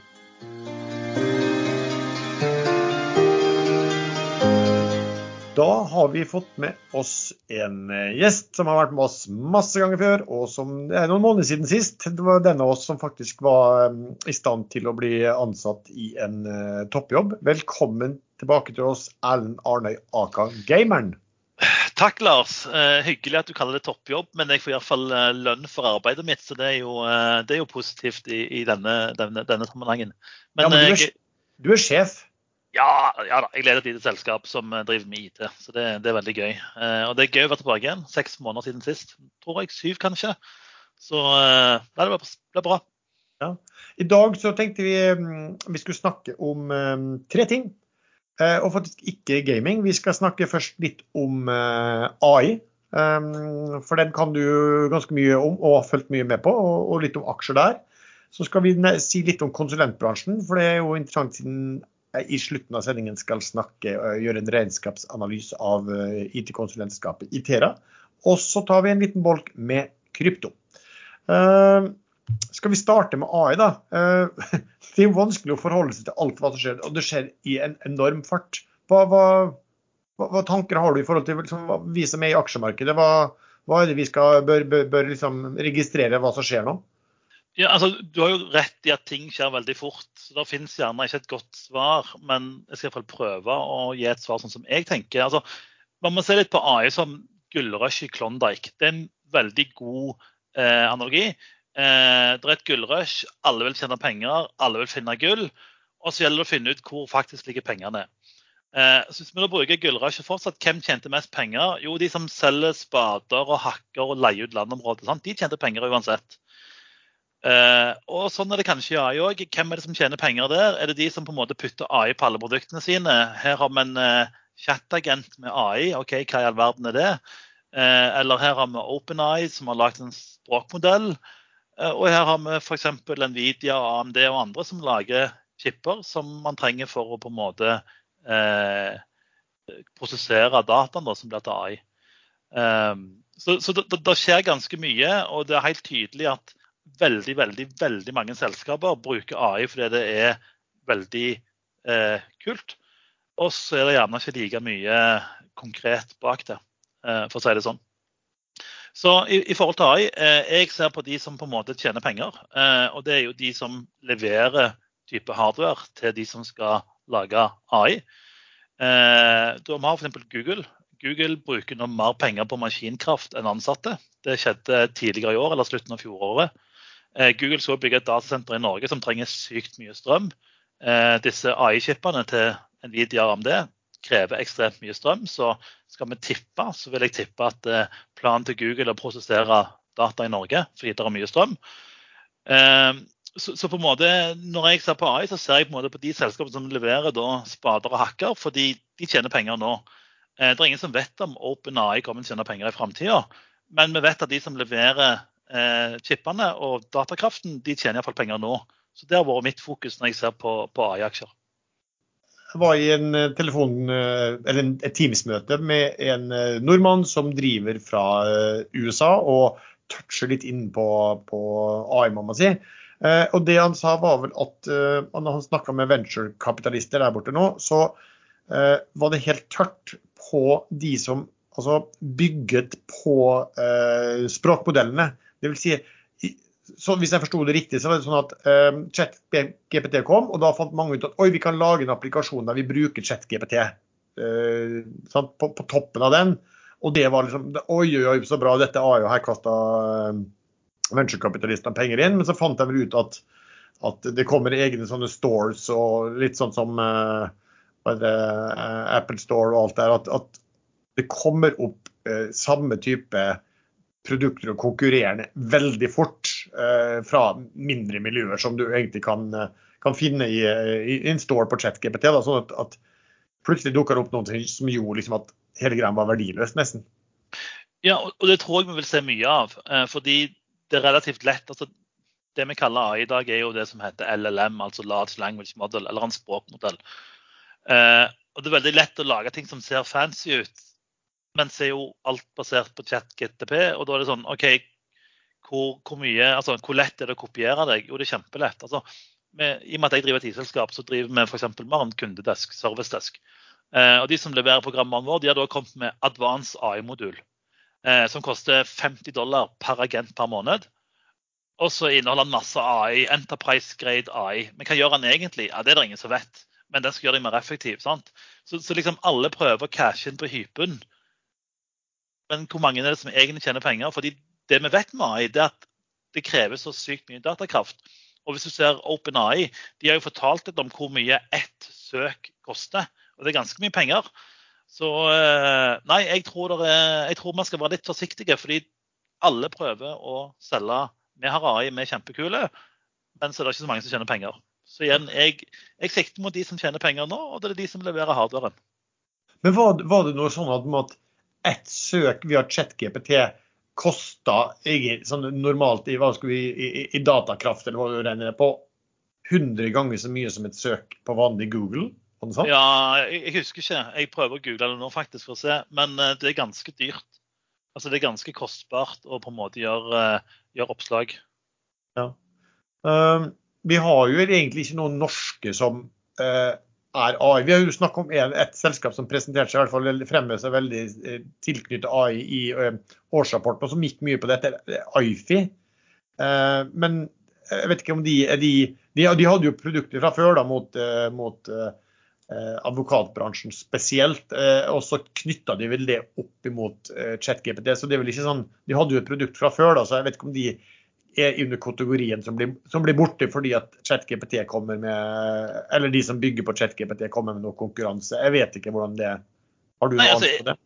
Jeg, jeg, tror det er sånn type selskap. De har et produkt. Eh, de bruker allerede maskinlæring, sannsynligvis. Og da er det veldig lett å bare klistre AI-klistremerket på. Eh, nå, nå, søkte jeg litt i forhold til hva en request på ChatGDP koster. og de, de snakker om fra fem øre til ti kroner per, per eh, request. da. Fem øre høres lite ut, men altså, hvis ti millioner mennesker gjør 50 millioner requests, så blir det penger av det. Uh, så, men, men, det selskapet du nevner, er sånn typisk. sant? De har Norge, så bare klistrer de AI på. Og så ja, hva er den AI-en egentlig? Er den annerledes fra den i går? Kanskje de tar litt høyere pris, da? Ja, det kan de definitivt. Altså, se på, se på det, det, det, selskapet som jeg snakket om, som jeg bruker til ServiceDesk. AI-modulen deres koster 50 dollar i måneden per person som skal bruke det. Ja. 500 kroner i måneden. Jeg har ti mann. Det er 60 000 i året for å få uh, advanced bots, uh, intelligence triage og intelligence insight. Aner ikke hva det er. Ja, men, nei, men du, du, trenger det. Du bare vet ikke ennå. Nei, jeg må ha det. sant? Det er jo Enterprise Grade AI. Men det ser vi overalt. Alle har sånne AI-moduler. Uh, ingen som kan forklare egentlig hva de gjør, men det er kjempeviktig å ha det. Men, men, er det sånn at de AI-modulene gjør det litt enklere? Tenk på at Hvis du var et selskap da, som drev med altså, det kunne være tolkning av tall, seismikktolkning eller hva det måtte være. ikke sant? Og så vet du at det har kommet opp noe som heter altså, ChatGPT, som sikkert kan hjelpe til eh, med et eller annet på det. Men, men, hvor starter du, liksom? Altså Dukker det opp noen Nei. som har en modul som gjør det enklere for deg? Ja, Vi har faktisk testa det litt. Det vi gjorde var at vi tok eh, Eh, vi tok en sånn der en eh, FAQ, Friendly Ask Questions, så mata vi den inn i en uh, GPT-modell, altså OpenEye sin. Og så trødde vi inn i sykt mye tickets, altså spørsmål fra brukere. Eh, og så fikk vi en bot til å på en måte svare. Og dermed så Hvis du da spør denne chatboten eh, om spørsmål, og, så er det lettere for den å svare bedre. Men chatboter har vi jo hatt lenge. Dette er bare en Tidligere måtte du trene de sykt manuelt, nå kan du trene de litt mer automatisert. Men på en måte er det verdt 500 kroner i måneden per ansatt? Mm, vet ikke. Kanskje. Nei. Nei. Men, eh, men altså, det som skjer nå, er, kjempespennende. Hvis man går inn på OpenAI eh, eh, slash Sora, som på en måte er tekst til video, så er det helt sinnssykt hva de får til. Eh, de har lagt ut masse filmer der i dag som er lagd av eh basically en eh, tekstpromp, og så er det en halv minutts video. Og alt i videoen er autogenerert med, med AI. Så, så, så, dette går jo kjempefort. Men det betyr òg at det er kjempevanskelig for oss investorer å vite hvor man skal handle. Unnskyld, eh, hva er en tekstpromp? Eh, OK, eh, her er det eh, prompen her er 'Historical footage of California during the gold rush'. Og så det genererer denne 30 sekunds video basert på den tekstinputen. Jeg, er for stor sjef fortsatt. Hva okay. promp har med dette å gjøre? Eh, nei, det, det, det, det er ikke enkelt når man bor på, på Jæren. Men uh, sånn er det. Nei, så jeg igjen. Jeg har, iallfall for min del, jeg går til de som tjener penger på AI i dag. Og så er spørsmålet hvor lenge tjener de som lager eh, hardware penger på AI? Jo, så lenge man tror at eh, Google og alle de som kjøper hardwaren kan tjene penger på AI, så vil jo de som lager hardwaren òg tjene penger. For nå kan man altså, du, du, kan jo knytte det mye, som jeg nevnte jo. Vi har jo på um, chatten på Ekstrainvestor, så kobler vi oss fort inn på uh, ChatGPT. Men det, det, er jo basert på at ChatGPT uh, altså, du har bare en, en, en, lenke dit hvor du kan få stille spørsmål og få svarene rett inn i uh, ekstrainvestor. Det, det, sånn, det, er en enkel måte, men det, har jo ikke noe med at du, du er ikke akkurat AI-selskap for det du gjør sånn. Det er jo mye sånn at folk tar litt fra, fra, den type modeller, og så prøver man å brande seg til AI-relatert. Og, og, alt som var maskinlæring før, er vel AI i dag. Heter det, kalles det. Egentlig ja. Altså det, det, du kunne gjort med ekstrainvestor, det var å mate all chatten inn i en AI-modell. Og så kunne du si hei, kan du skrive hvilke aksjer som er mest populære i dag? Og så vil jo da modellen teoretisk klare å plukke det ut fra chatten hva folk chatter om. Kan ikke du forklare meg, for altså den, eh, har, Vi snakka litt om det tidligere. Nvidia har steget altså 50 siden nyttår bare. Og da hadde den jo allerede hatt en fantastisk reise i, i flere år. Eh, hva, hva er det med den aksjen her, og er det liksom ingen ende på hvor, hvor mye de kan tjene og konkurransesituasjonen? Altså, tingene, Nvidia lagde jo skjermkort i gamle dager. Eh, og de er verdensledende på skjermkort, altså datamaskin. Eh, AI-divisjonen til Nvidia tjener så mye penger nå at Nvidia vurderer å spinne ut eller legge ned skjermkortdivisjonen fordi det er ikke lukrativt nok. Da, skjønner du på en måte hvor vilt dette er. Så lenge selskaper som Google og Microsoft og investeringsselskaper tror at man kan tjene penger på AI, så vil jo de kjøpe og bygge datasentre. Hvorfor bygger Google et datasenter i Norge? Jo, de trenger tilgang til strøm fordi disse chipene bruker helt vanvittige mengder strøm. Eh, så så lenge disse selskapene tror de tjener penger, så kommer òg Nvidia og andre til å pumpe ut chipper. Eh, kan det være at noen lager en bedre chip enn Nvidia? Garantert. Men akkurat nå så er det jo leveranseproblemer. Du klarer ikke å produsere nok. Eh, hvor langt kan Nvidia stige? Ingen som aner. Har det nådd toppen? Kanskje, kanskje ikke. Men, men, jeg tror så lenge, at, så lenge folk med penger ser at man kan tjene penger på AI, så vil det være behov for datakraften. Og akkurat nå så er det Nvidia som leverer de beste chipene til dette. Men jeg vil, jeg vil, bare tro at altså Jeg vet jo ikke hvordan det, det fungerer på, på, intellektuelle rettigheter og hvor lang tid man bruker på å komme. men å, komme fatt noen. Men altså, når de tjener så enormt med penger og stiger så enormt på børsen og en av verdens mest verdifulle selskap, jeg vil jo tro at det er mange som sikler etter å komme opp og konkurrere med de. Ja, men det å produsere chipper er ikke enkelt. Altså, en ting Du skal først lage chipen og på en måte finne et design som fungerer. Og så er jo mål nummer to det er jo faktisk å få produsert chipen. Og det finnes ikke så mange fabrikker i verden som kan lage skipper. Og de som kan lage skipper, de er utsolgt. Sånn, de er utsolgt i lang, lang, lang, lang tid. Så selv om du finner et design, ja, lykke til å finne produksjonskapasitet. Ja, det, det for, den ligger, for, den kapasiteten ligger jo eh, ganske mye i Taiwan? Veldig mye i Taiwan og andre land. Men Taiwan er Nå driver de og bygger en del i USA, men er, Taiwan er altså TM, hva heter de, TMSC, Taiwan Micro Semiconductor, de er jo den største. De produserer jo veldig veldig, veldig mye for Nvidia. Ja. Chip, jeg har anbefalt å lese den boka som heter Chip War. Jeg har ikke lest den ennå. Har du lest den, eller? Jeg har den på lista mi. Jeg har blitt anbefalt den, men jeg har ikke lest den. Nei, for det er vel litt om også, ja, også hvor, hvor, viktig Taiwan er for, for, for, Vesten og alt sammen. i forhold til Hvis, hvis noe skulle skje og noen, en, litt, et litt sint Kina skulle få kontroll på den eh, produksjonskapasiteten der. Da, hadde jeg solgt Nvidia-aksjene mine. for å si det sånn. Nå har jeg ikke Nvidia-aksjer i dag, da, men, eh, men ja. Har det via, har det via fond. Men, men, det er jo sånn at, altså, sånn som kineserne, de skulle jo tro at de ville satse noe veldig på det. Men er det sånn at der er det jo noen sanksjoner som gjør at de ikke får tilgang på chips? eller sånn? Tingen er at det å lage chips er kjempevanskelig. Uh, og det er ett stort selskap i verden som lager maskinene du trenger for å lage chips. Det er vel et nederlandsselskap, jeg husker ikke hva de heter i farten. Så på en måte uh, TMSC lager ikke maskinene som lager chips, og de lager bare chipsa.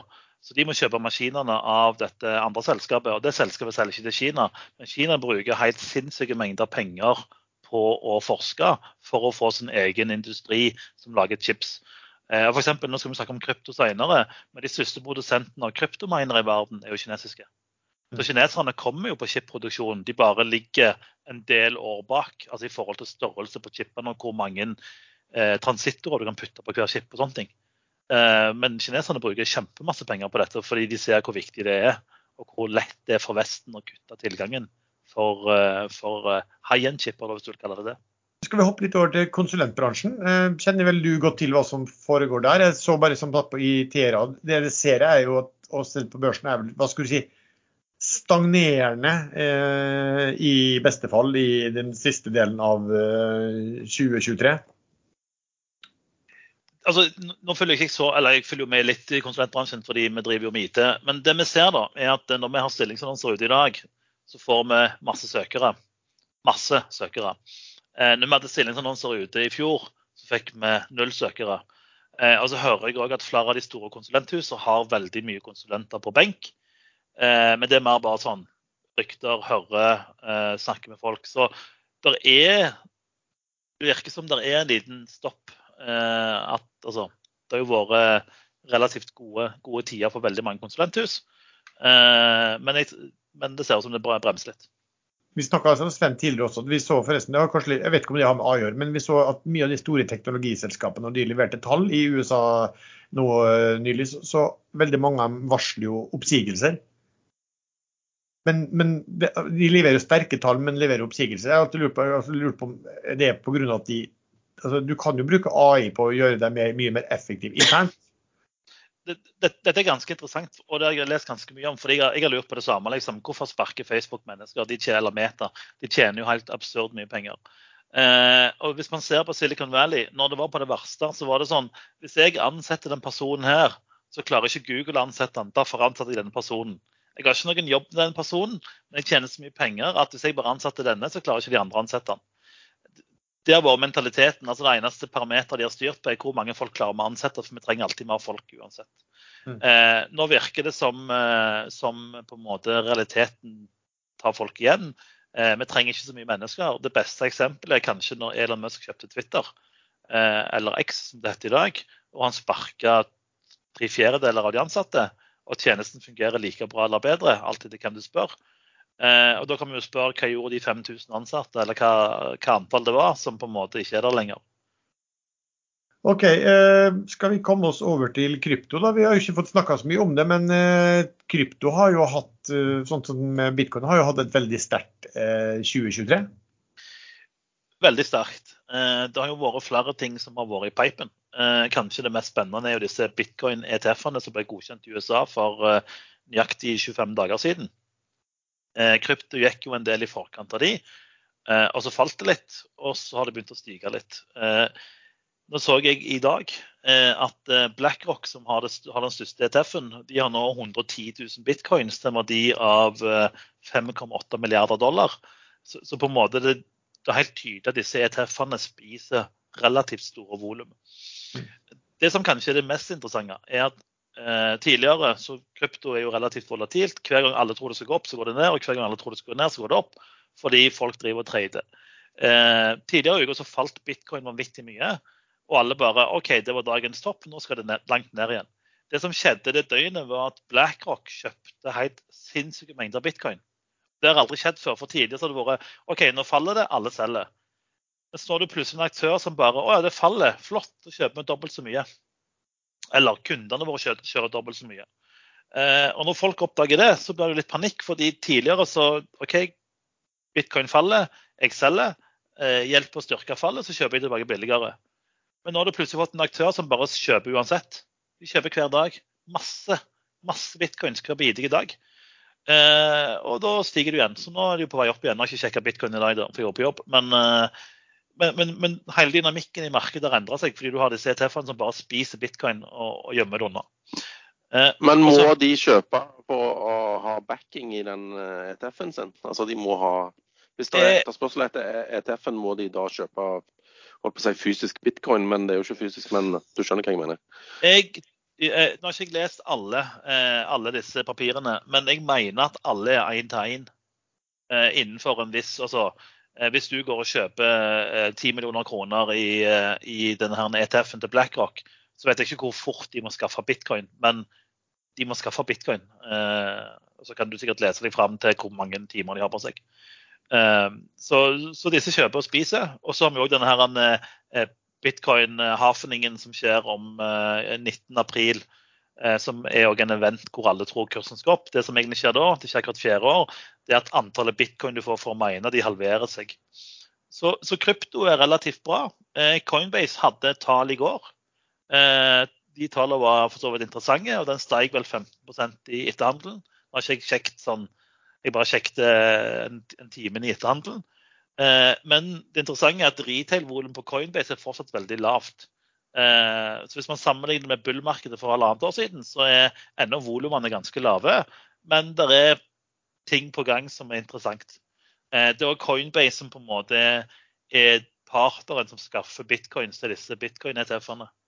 De får ganske bra, bra volum via de.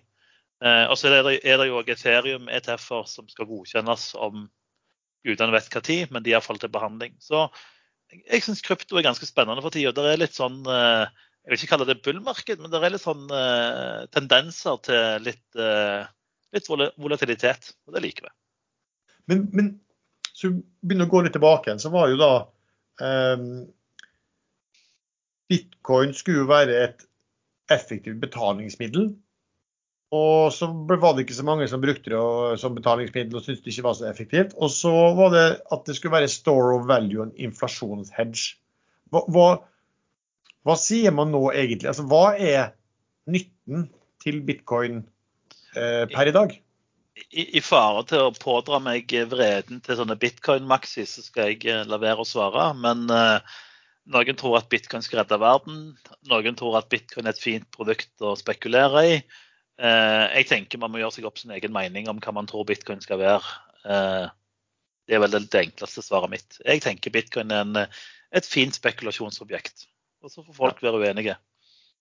Nei, Er det noe mer du har lyst til å tillegge på de, på, på de områdene vi har vært eh, inne, innom? Nei, jeg, nei, egentlig ikke. Jeg eh, har vel sagt det jeg skrev når jeg skulle, skulle si. Eh, igjen, eh, leiedetaljene er alltid viktig. Eh, unngå hypen, unngå støy. Samme gjelder konsulentselskapene. Eh, jeg er helt sikker på at det er mulig for de som investerer i den bransjen, å, å grave fram hvem som har mye folk på benk, og hvem som har mye folk uh, ute i arbeid. Og de som har folk i arbeid, de tjener penger, og de som har folk på benk, de tjener ikke penger. Ok, Da takker vi så mye for at du um, tok deg tid til å komme hit og fortelle oss mye interessant om AI og konsulentbransjen og krypto. Så håper vi du kan komme tilbake ved en eh, senere anledning, Erlend. Yes, Vi har jo noe gaming vi skal snakke om, og der skjer det òg mye. Men det, det, kan vi ta en annen dag. Det kan vi ta en annen gang. Takk for besøket. Takk, takk.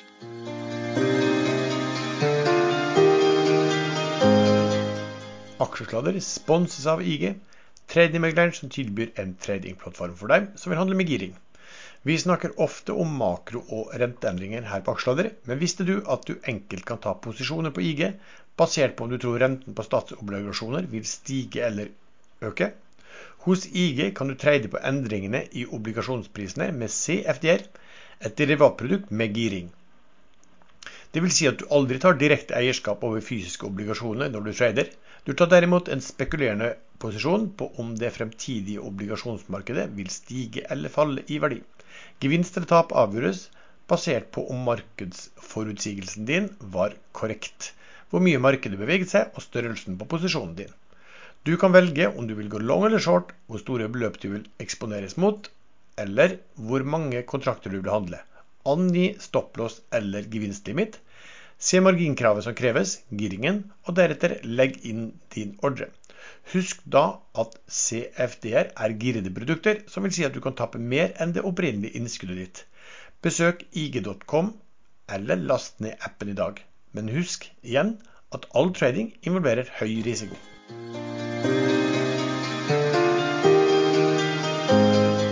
Sven, ukens favoritter eller noe obs eh, for uken som kommer. Har du noe spesielt? Eh, jeg må være litt påpasselig her, fordi EU vil jo sosiale medier legge begrensninger på sosiale medier. At folk som da driver med investeringer og aksje, aksjer og sånn, ikke skal få lov å mene noe hvis de ikke er profesjonelle. Uh, og så er det, Hva er definisjonen av profesjonell? Må det være et verdipapirforetak? Eh, med lisens for å få lov å, å uttale deg om eh, aksjer og sånne ting. Det, det, vet jeg ikke. Men eh, det begynner jo å nærme seg Ja, hva heter det? Når du, når du, kan si hva du vil. Jeg vil si et angrep på ytringsfriheten. Ja, det syns jeg òg egentlig det var. Og Finanstilsynet sa jo at de må vel kanskje ja, rette seg etter disse EU-retningslinjene som nå kommer, og, og, slå hardt ned på hvis folk mener noe om noe. Uh, så det, det, er kanskje et farlig uh, farvann vi nå uh, veger oss inn i. Det som var litt spesielt altså Jeg skjønner jo at man vil bry kanskje altså i disse dager skal jo folk beskyttes mot alt, ikke sant. Da kan du jo si at folk som gir deg dårlig kostholdsråd også skal ikke få si noe. Og... De må i fengsel. Ja, ikke sant? Eh, så, så er det sansen for at de, det, det som er liksom villedende informasjon, der du, der, du, bløffer, eh, skriver sånne ting, eller der man gjør samme, samme ting hvor man presser opp kurs eller skaper kunstig og manipulerer ting.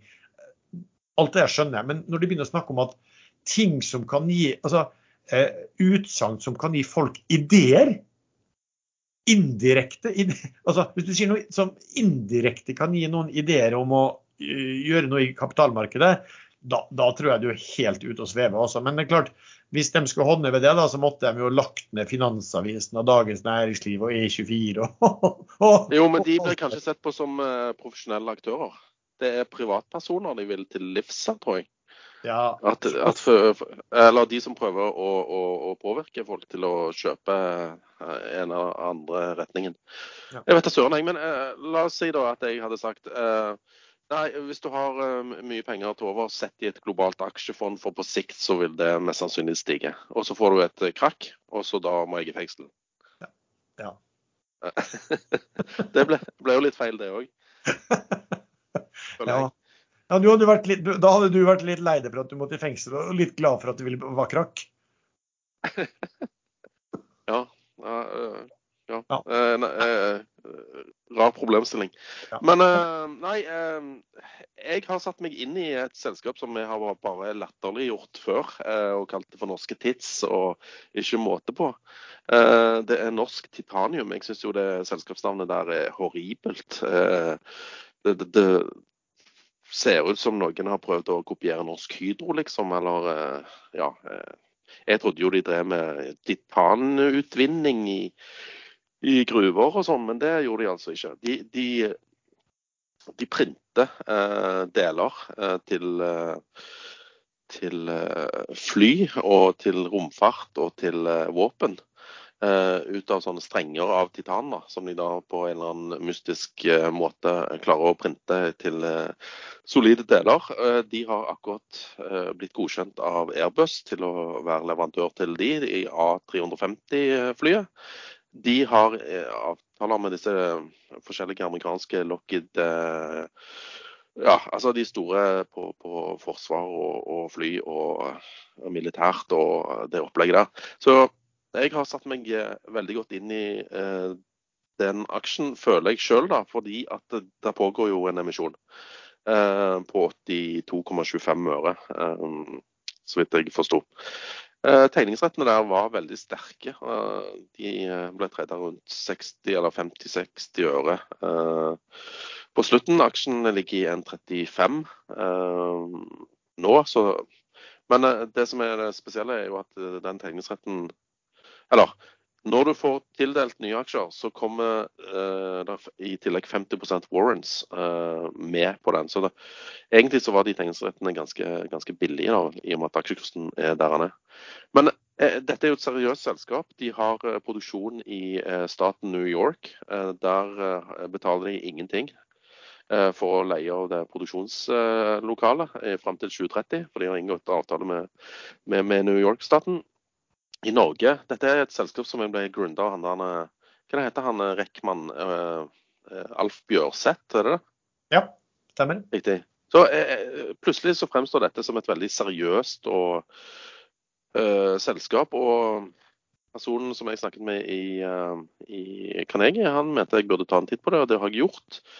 Og det forventes en veldig bra nyhetsflow der eh, framover. Så får vi se om dette slår til. De henter jo nå 200 Eller det er en pakke der med Warrens som gjør at de henter nå opp mot 400 millioner kroner. 225 millioner i cash nå, og så er den Warrens-pakken eh, de resterende. Så hvis de gjør det bra, så kommer de til å hente 400 millioner. Det blir veldig populært, disse, disse Warrens-pakkene rundt omkring? Okay? Ja, men du må kanskje krydre litt for at folk skal bli med. Ja. For altså, Hvis det går bra, så går det bra for alle. Men eh, det er en å følge med på. Um, jeg har ikke kjøpt mye aksjer, men jeg har tegnet en del aksjer. Uh, altså jeg overtegner litt, så får vi se om det, om det blir, blir, noe der. Viaplay, der har vi fått aksjene. Uh, jeg er jo en god kunde uh, og betaler gladelig 750 kroner per måned for å se Premier League. Ehm, jeg eh, kommer til å fortsette med det. Jeg beholder aksjene, jeg har ikke solgt de. Ehm, de tredde litt over en krone. Eh, emisjonskursen var én krone. Eh, så får vi se om de klarer å snu den skuta der. Det er ikke noe bankers at de klarer det. For de har jo rota seg inn i både det ene og det andre, og, som de nå prøver å komme seg ut av. Så den bare beholder jeg. Jeg beholder de 500 000 Havila kystruten hvis den ikke plutselig spretter rett til værs. Og så Det var én ting til. Jo. Um, har denne her Per eh, regionalbank i USA-greiene. Men der kan det være en gryke på en stopplås litt senere i dag. Men jeg er jo fortsatt negativ til den sektoren der. Men eh, det er timing. Timing er litt vanskelig. OK. Eh, for min del, nei.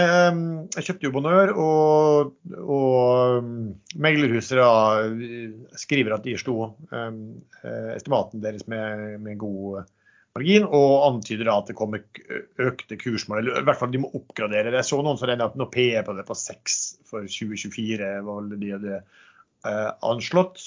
Eh, så må man vekte mot hvis det er en ganske stor eh, selger der ute. Så, så får vi se hvis, hvis, den skal slutte å selge eller gå tom hånd. Altså, den, den, fluktuerer i hvert fall en, en god del.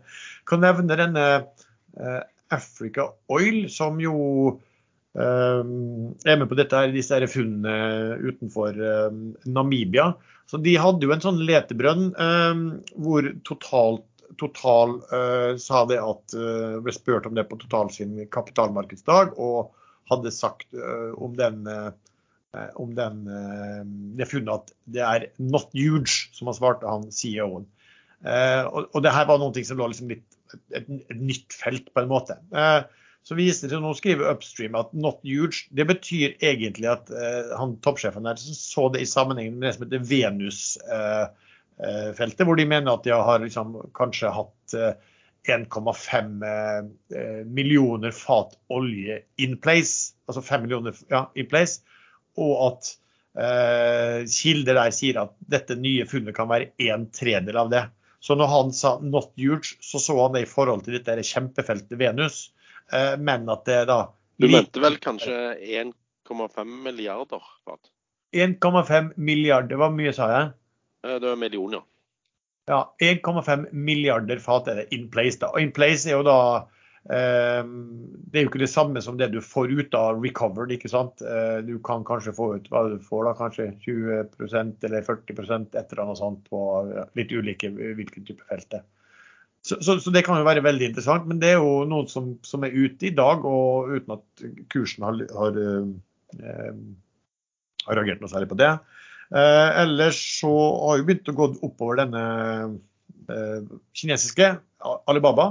Og der merka jeg meg i går kom det være nyhet om at han Hvis du skal ha Michael Burry fra The Big Short Husker du den filmen, Sven? Ja, jeg husker veldig godt han. Uh, uh, hvem var han ble spilt av?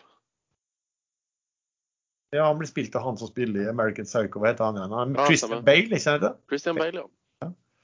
Stemmer. Uh, han, uh, de offentliggjør jo på altså, hva, hva, de har kjøpt og hva sånne fond, for han styrer jo et fond. Og Alibaba var jo nå blitt hans største uh, beholdning. Og han er jo litt sånn, sånn han, jo, han, liker jo å være litt kontrær da, og si det motsatte. Og når Kina er veldig upopulær, så hadde han Alibaba som sin øverste. Og jeg tror den jday.com var nummer to, og det er også en, en kinesisk en. Ellers må jeg bare nevne da, disse betalingsselskapene som er inne på, for folk spør veldig mye om, eh, om det. Altså, nå skal jo da de har jo én båt igjen, eh, et fartøy heter det vel, eh, Standard Supply, og så skal de dele 2,75 per aksje. og de, de kom med en, et anslag da på Naven per aksje som var på 5,20, basert på hvis de solgte den siste båten på, sånn merk, på ja, markedsnivåer.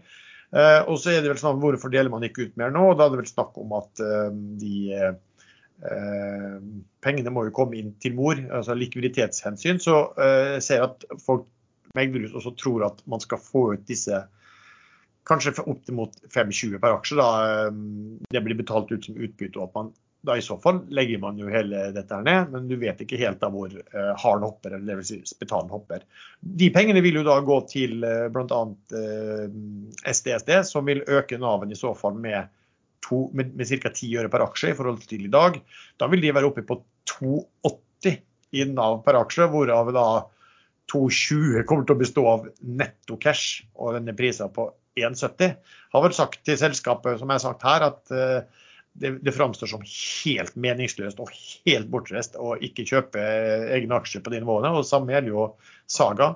SDSD de, de trader i hvert fall litt med aksjene og, og, eller litt med pengene og plasserer dem litt i obligasjoner og lån, så de får inntekter på det. Saga sitter jo bare helt stille. og Hva som kan skje i, i disse selskapene, det, det, det, virker i hvert fall helt eh, snodig. Og som sagt, det må vel være noe, bortimot tidenes dårligste kapitalforvaltning å ikke kjøpe ikke kjøpe egne aksjer med enorm rabatt til uh, nettcash. Men uh, jo, jo, mer man forteller sånne at man, det er smart, jo mindre synes de tydeligvis at det er smart. Men det er også. Er det noe mer du har å uh, komme med, Sven, eller skal vi ta helgen? Skal vi ta helgen, jeg. Da takker vi så mye til deg som har lyttet på denne episoden. Du treffer stadig oss chattene inne på Ekstrainvestor musikken er Vi har også en gruppe på Facebook som heter podkasten Aksjesladder. Musikken er som vanlig laget av sjazz.com, og vi høres. Og husk, etter vanlig episode så kommer det en regnskapsanalyse, og denne gangen av et IT-konsulentselskap som heter Itera.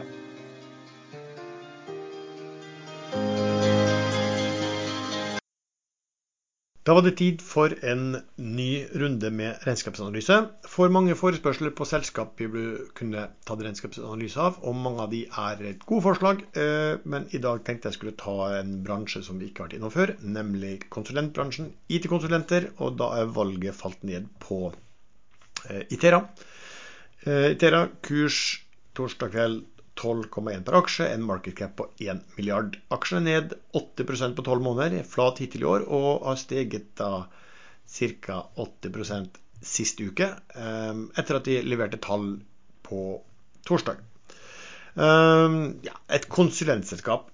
ganske enkelt å tenke seg. Det skal ha mange ansatte som har høy faktureringsgrad, dvs. Si som bruker eh, mesteparten av, eller så høy som mulig av sin arbeidstid til å fakturere kunder ut. Det skal de ha til gode timepriser. og Samtidig så er det jo da viktig å ha lave øvrige mm, driftskostnader i et sånt selskap, og ikke, og ikke betale disse ansatte altfor alt, alt godt eh, heller. Um, Itera skriver jo at de ser god vekst i den digitale transformasjonen, AI, cloud. Eh, men de har også skrevet i Q4 om det de kaller en viss svakhet i markedet. Og det er også noen ting som man ser hos andre IT-konsulentselskap, og, tallene de har levert nå den helt siste tiden. Markedcapen altså på eh, selskapet er 1 milliard. De har eh, ja, noen par titalls millioner i netto rentebærende gjeld, så, så, Enterprise Value blir jo til, omtrent tilsvarende market capet på 1 milliard.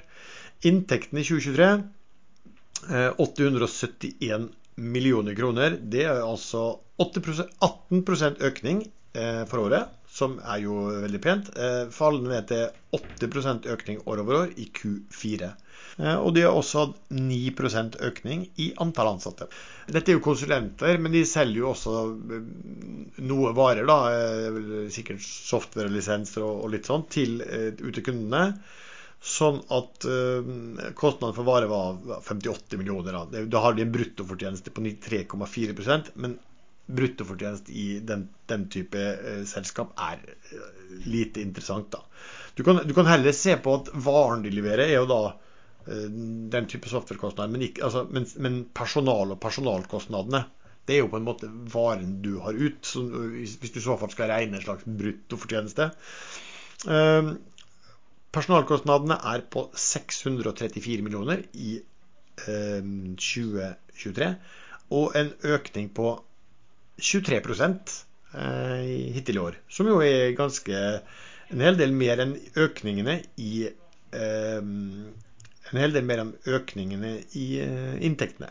12 er økningen i personalkostnadene i Q4 år over år. Så hvis du regner da, hvis du tar inntekten og trekker fra da disse små varekostnadene og personalet, så får du eh, en, det jeg kaller en sånn slags bruttofortjeneste på 179,3 millioner i 2023 eh, mot 169 millioner i 2022. Det er en økning på 6,1% men marginen du regner dette som en margin av driftsinntektene, så den falt da fra 23% i fjor, eller i 2022, til 20,6% i 2023. Ehm, det som er litt interessant når vi snakker om da med, med personalkostnader, er jo også at man eh, kan se dette her i, i forhold til per ansatt. Ehm, de har jo hatt en pen økning i antall ansatte i 2023. Eh, driftsinntektene per ansatt er opp 7% i 2023, men den var også ned 11% i Q4. Personalkostnaden per ansatt er opp 11% i 2023, opp 3% i Q3. Um, og du, vi kan også regne, vi skal komme tilbake til EBIT, men vi kan regne at EBIT per ansatt er ned 8% i 2023 Uh, og ned 14% i Q4 alene. Etter vanlige personalkostnader så har vi da de vanlige øvrige driftskostnadene. 68,7 millioner i 2023 mot 60 millioner året før. Økte med 14% år over år. Og, men de øvrige driftskostnadene var da minus 6% år over år i Q4 isolert. Selskapet rapporterte i Q4 3 millioner kroner i slags ekstraordinære kostnader som de justerte bort i et justert resultat, eller de kalte det for business optimi optimization program. Eh, de må gjerne justere det bort. Jeg justerer ikke det bort. At de skal optimalisere bedriften sin, eh, det gjør man vel egentlig ganske fortløpende, så jeg velger å ikke ta den med. Det, spiller ikke noen sånn stor rolle på disse ulike prosenttallene eh, uansett. da. De opererer med EBITA, jeg kan jo nevne det selv om jeg ikke liker det tallet. Det er da på 110,7 millioner i 2023. Det er en slags margin på 12,7 Eh, det er eh, litt høyere i tall enn året før, men marginen altså faller da fra 14,8 til 12,7% Den marginen var på 11,9% i Q4 isolert, mot 13,7% året før. Det er da EBIT kan man da se på. Den er da eh, på 78,3 som er 9% mot 10,4% 10,5% året før.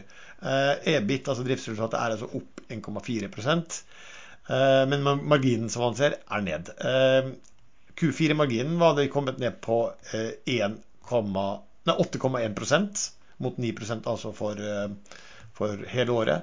Men der de mener at det som jeg snakket om, de mener jo at noe er ekstraordinært. Da hadde noen vært snill og sagt det, så hadde det vært på 9,5 Men sum da på, på driftsresultatet, så ser du da stagnerende eh, resultat nå. Eh, tross økte inntekter pga. sterkere økning i personalkostnader. Og eh, du ser da en åpenbar svekkelse også i Q4. Der, som sagt, Selskapet nevner jo svekkede markeder også. Eh, du har da en eh, EV-EBIT på 12,8. Eh, du kan også regne da en eh, Jeg bruker å regne jeg kaller det for EBIT-stjerne, la oss kalle det cash-EBIT, da, som noen heller vil. der du tar eh, du bytter av driftsresultatet, så bytter du ut avskrivninger med investeringene. Og det jeg ser både på 2023 og 2022, er at selskapet har hatt høyere avskrivninger enn nye investeringer. Så det vil gjøre at en EBIT, cash-EBIT blir høyere enn så eh, hvis man bruker da cash EBIT, så ville driftsresultatet økt fra 78,3 i 2023 til 91,2. En 10,4% margin. Gjør du det samme på, eh, på 2022-tall, eh, så vil du ha 12,7% Så uansett hvordan du snur og vender på det, så er marginen eh, en del fallende. Og da får du en EV cash EBIT på 11 med da eh, noe fallende eh, cash EBIT også da i eh, Cash EBIT vil også da falle i absolutte tall.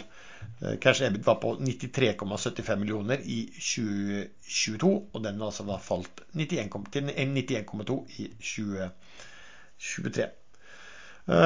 hvis vi surer oss ned da forbi finans og skatt, så er det altså inntjening per aksje 0,7 i 2023.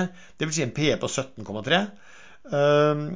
EPS-en ehm, e er da ned ca. 8% mot fjoråret.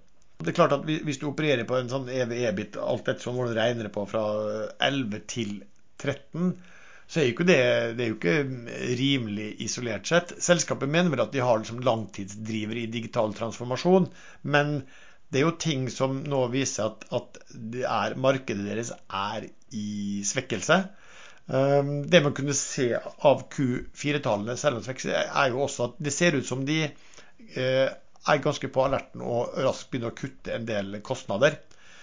Um, for, å, for, å, motvirke det og holde, og holde, lønnsomheten oppe. Så det blir interessant å se utover året om det, det man da ser nå mot slutten av, um, av 2023, om det liksom Eh, drar seg videre inn Det gjør det nok, men spørsmålet er hvor lenge det varer, og hvor dypt det er, og hvor flinke vil Itera være til å kutte kostnader og tilpasse eh, organisasjonen. Eh, de har jo en toppleder er, som er, som er storeier, og som har leda i selskapet i mange mange år, Arne Mjøs, og som jeg tror er veldig dyktig. Og det er jo litt lettere å være på alerten når du ikke er en administrativ eh, mann satt inn som CEO, men der du også er eh, storeier selv. Da. Det gjør nok at du er veldig opptatt av å reagere raskt på de signalene som du, du ser i selskapet. Jeg har også sett som sagt, på andre konsulentselskap, så ser man jo også en viss eh, svekkelse i eh, markedet.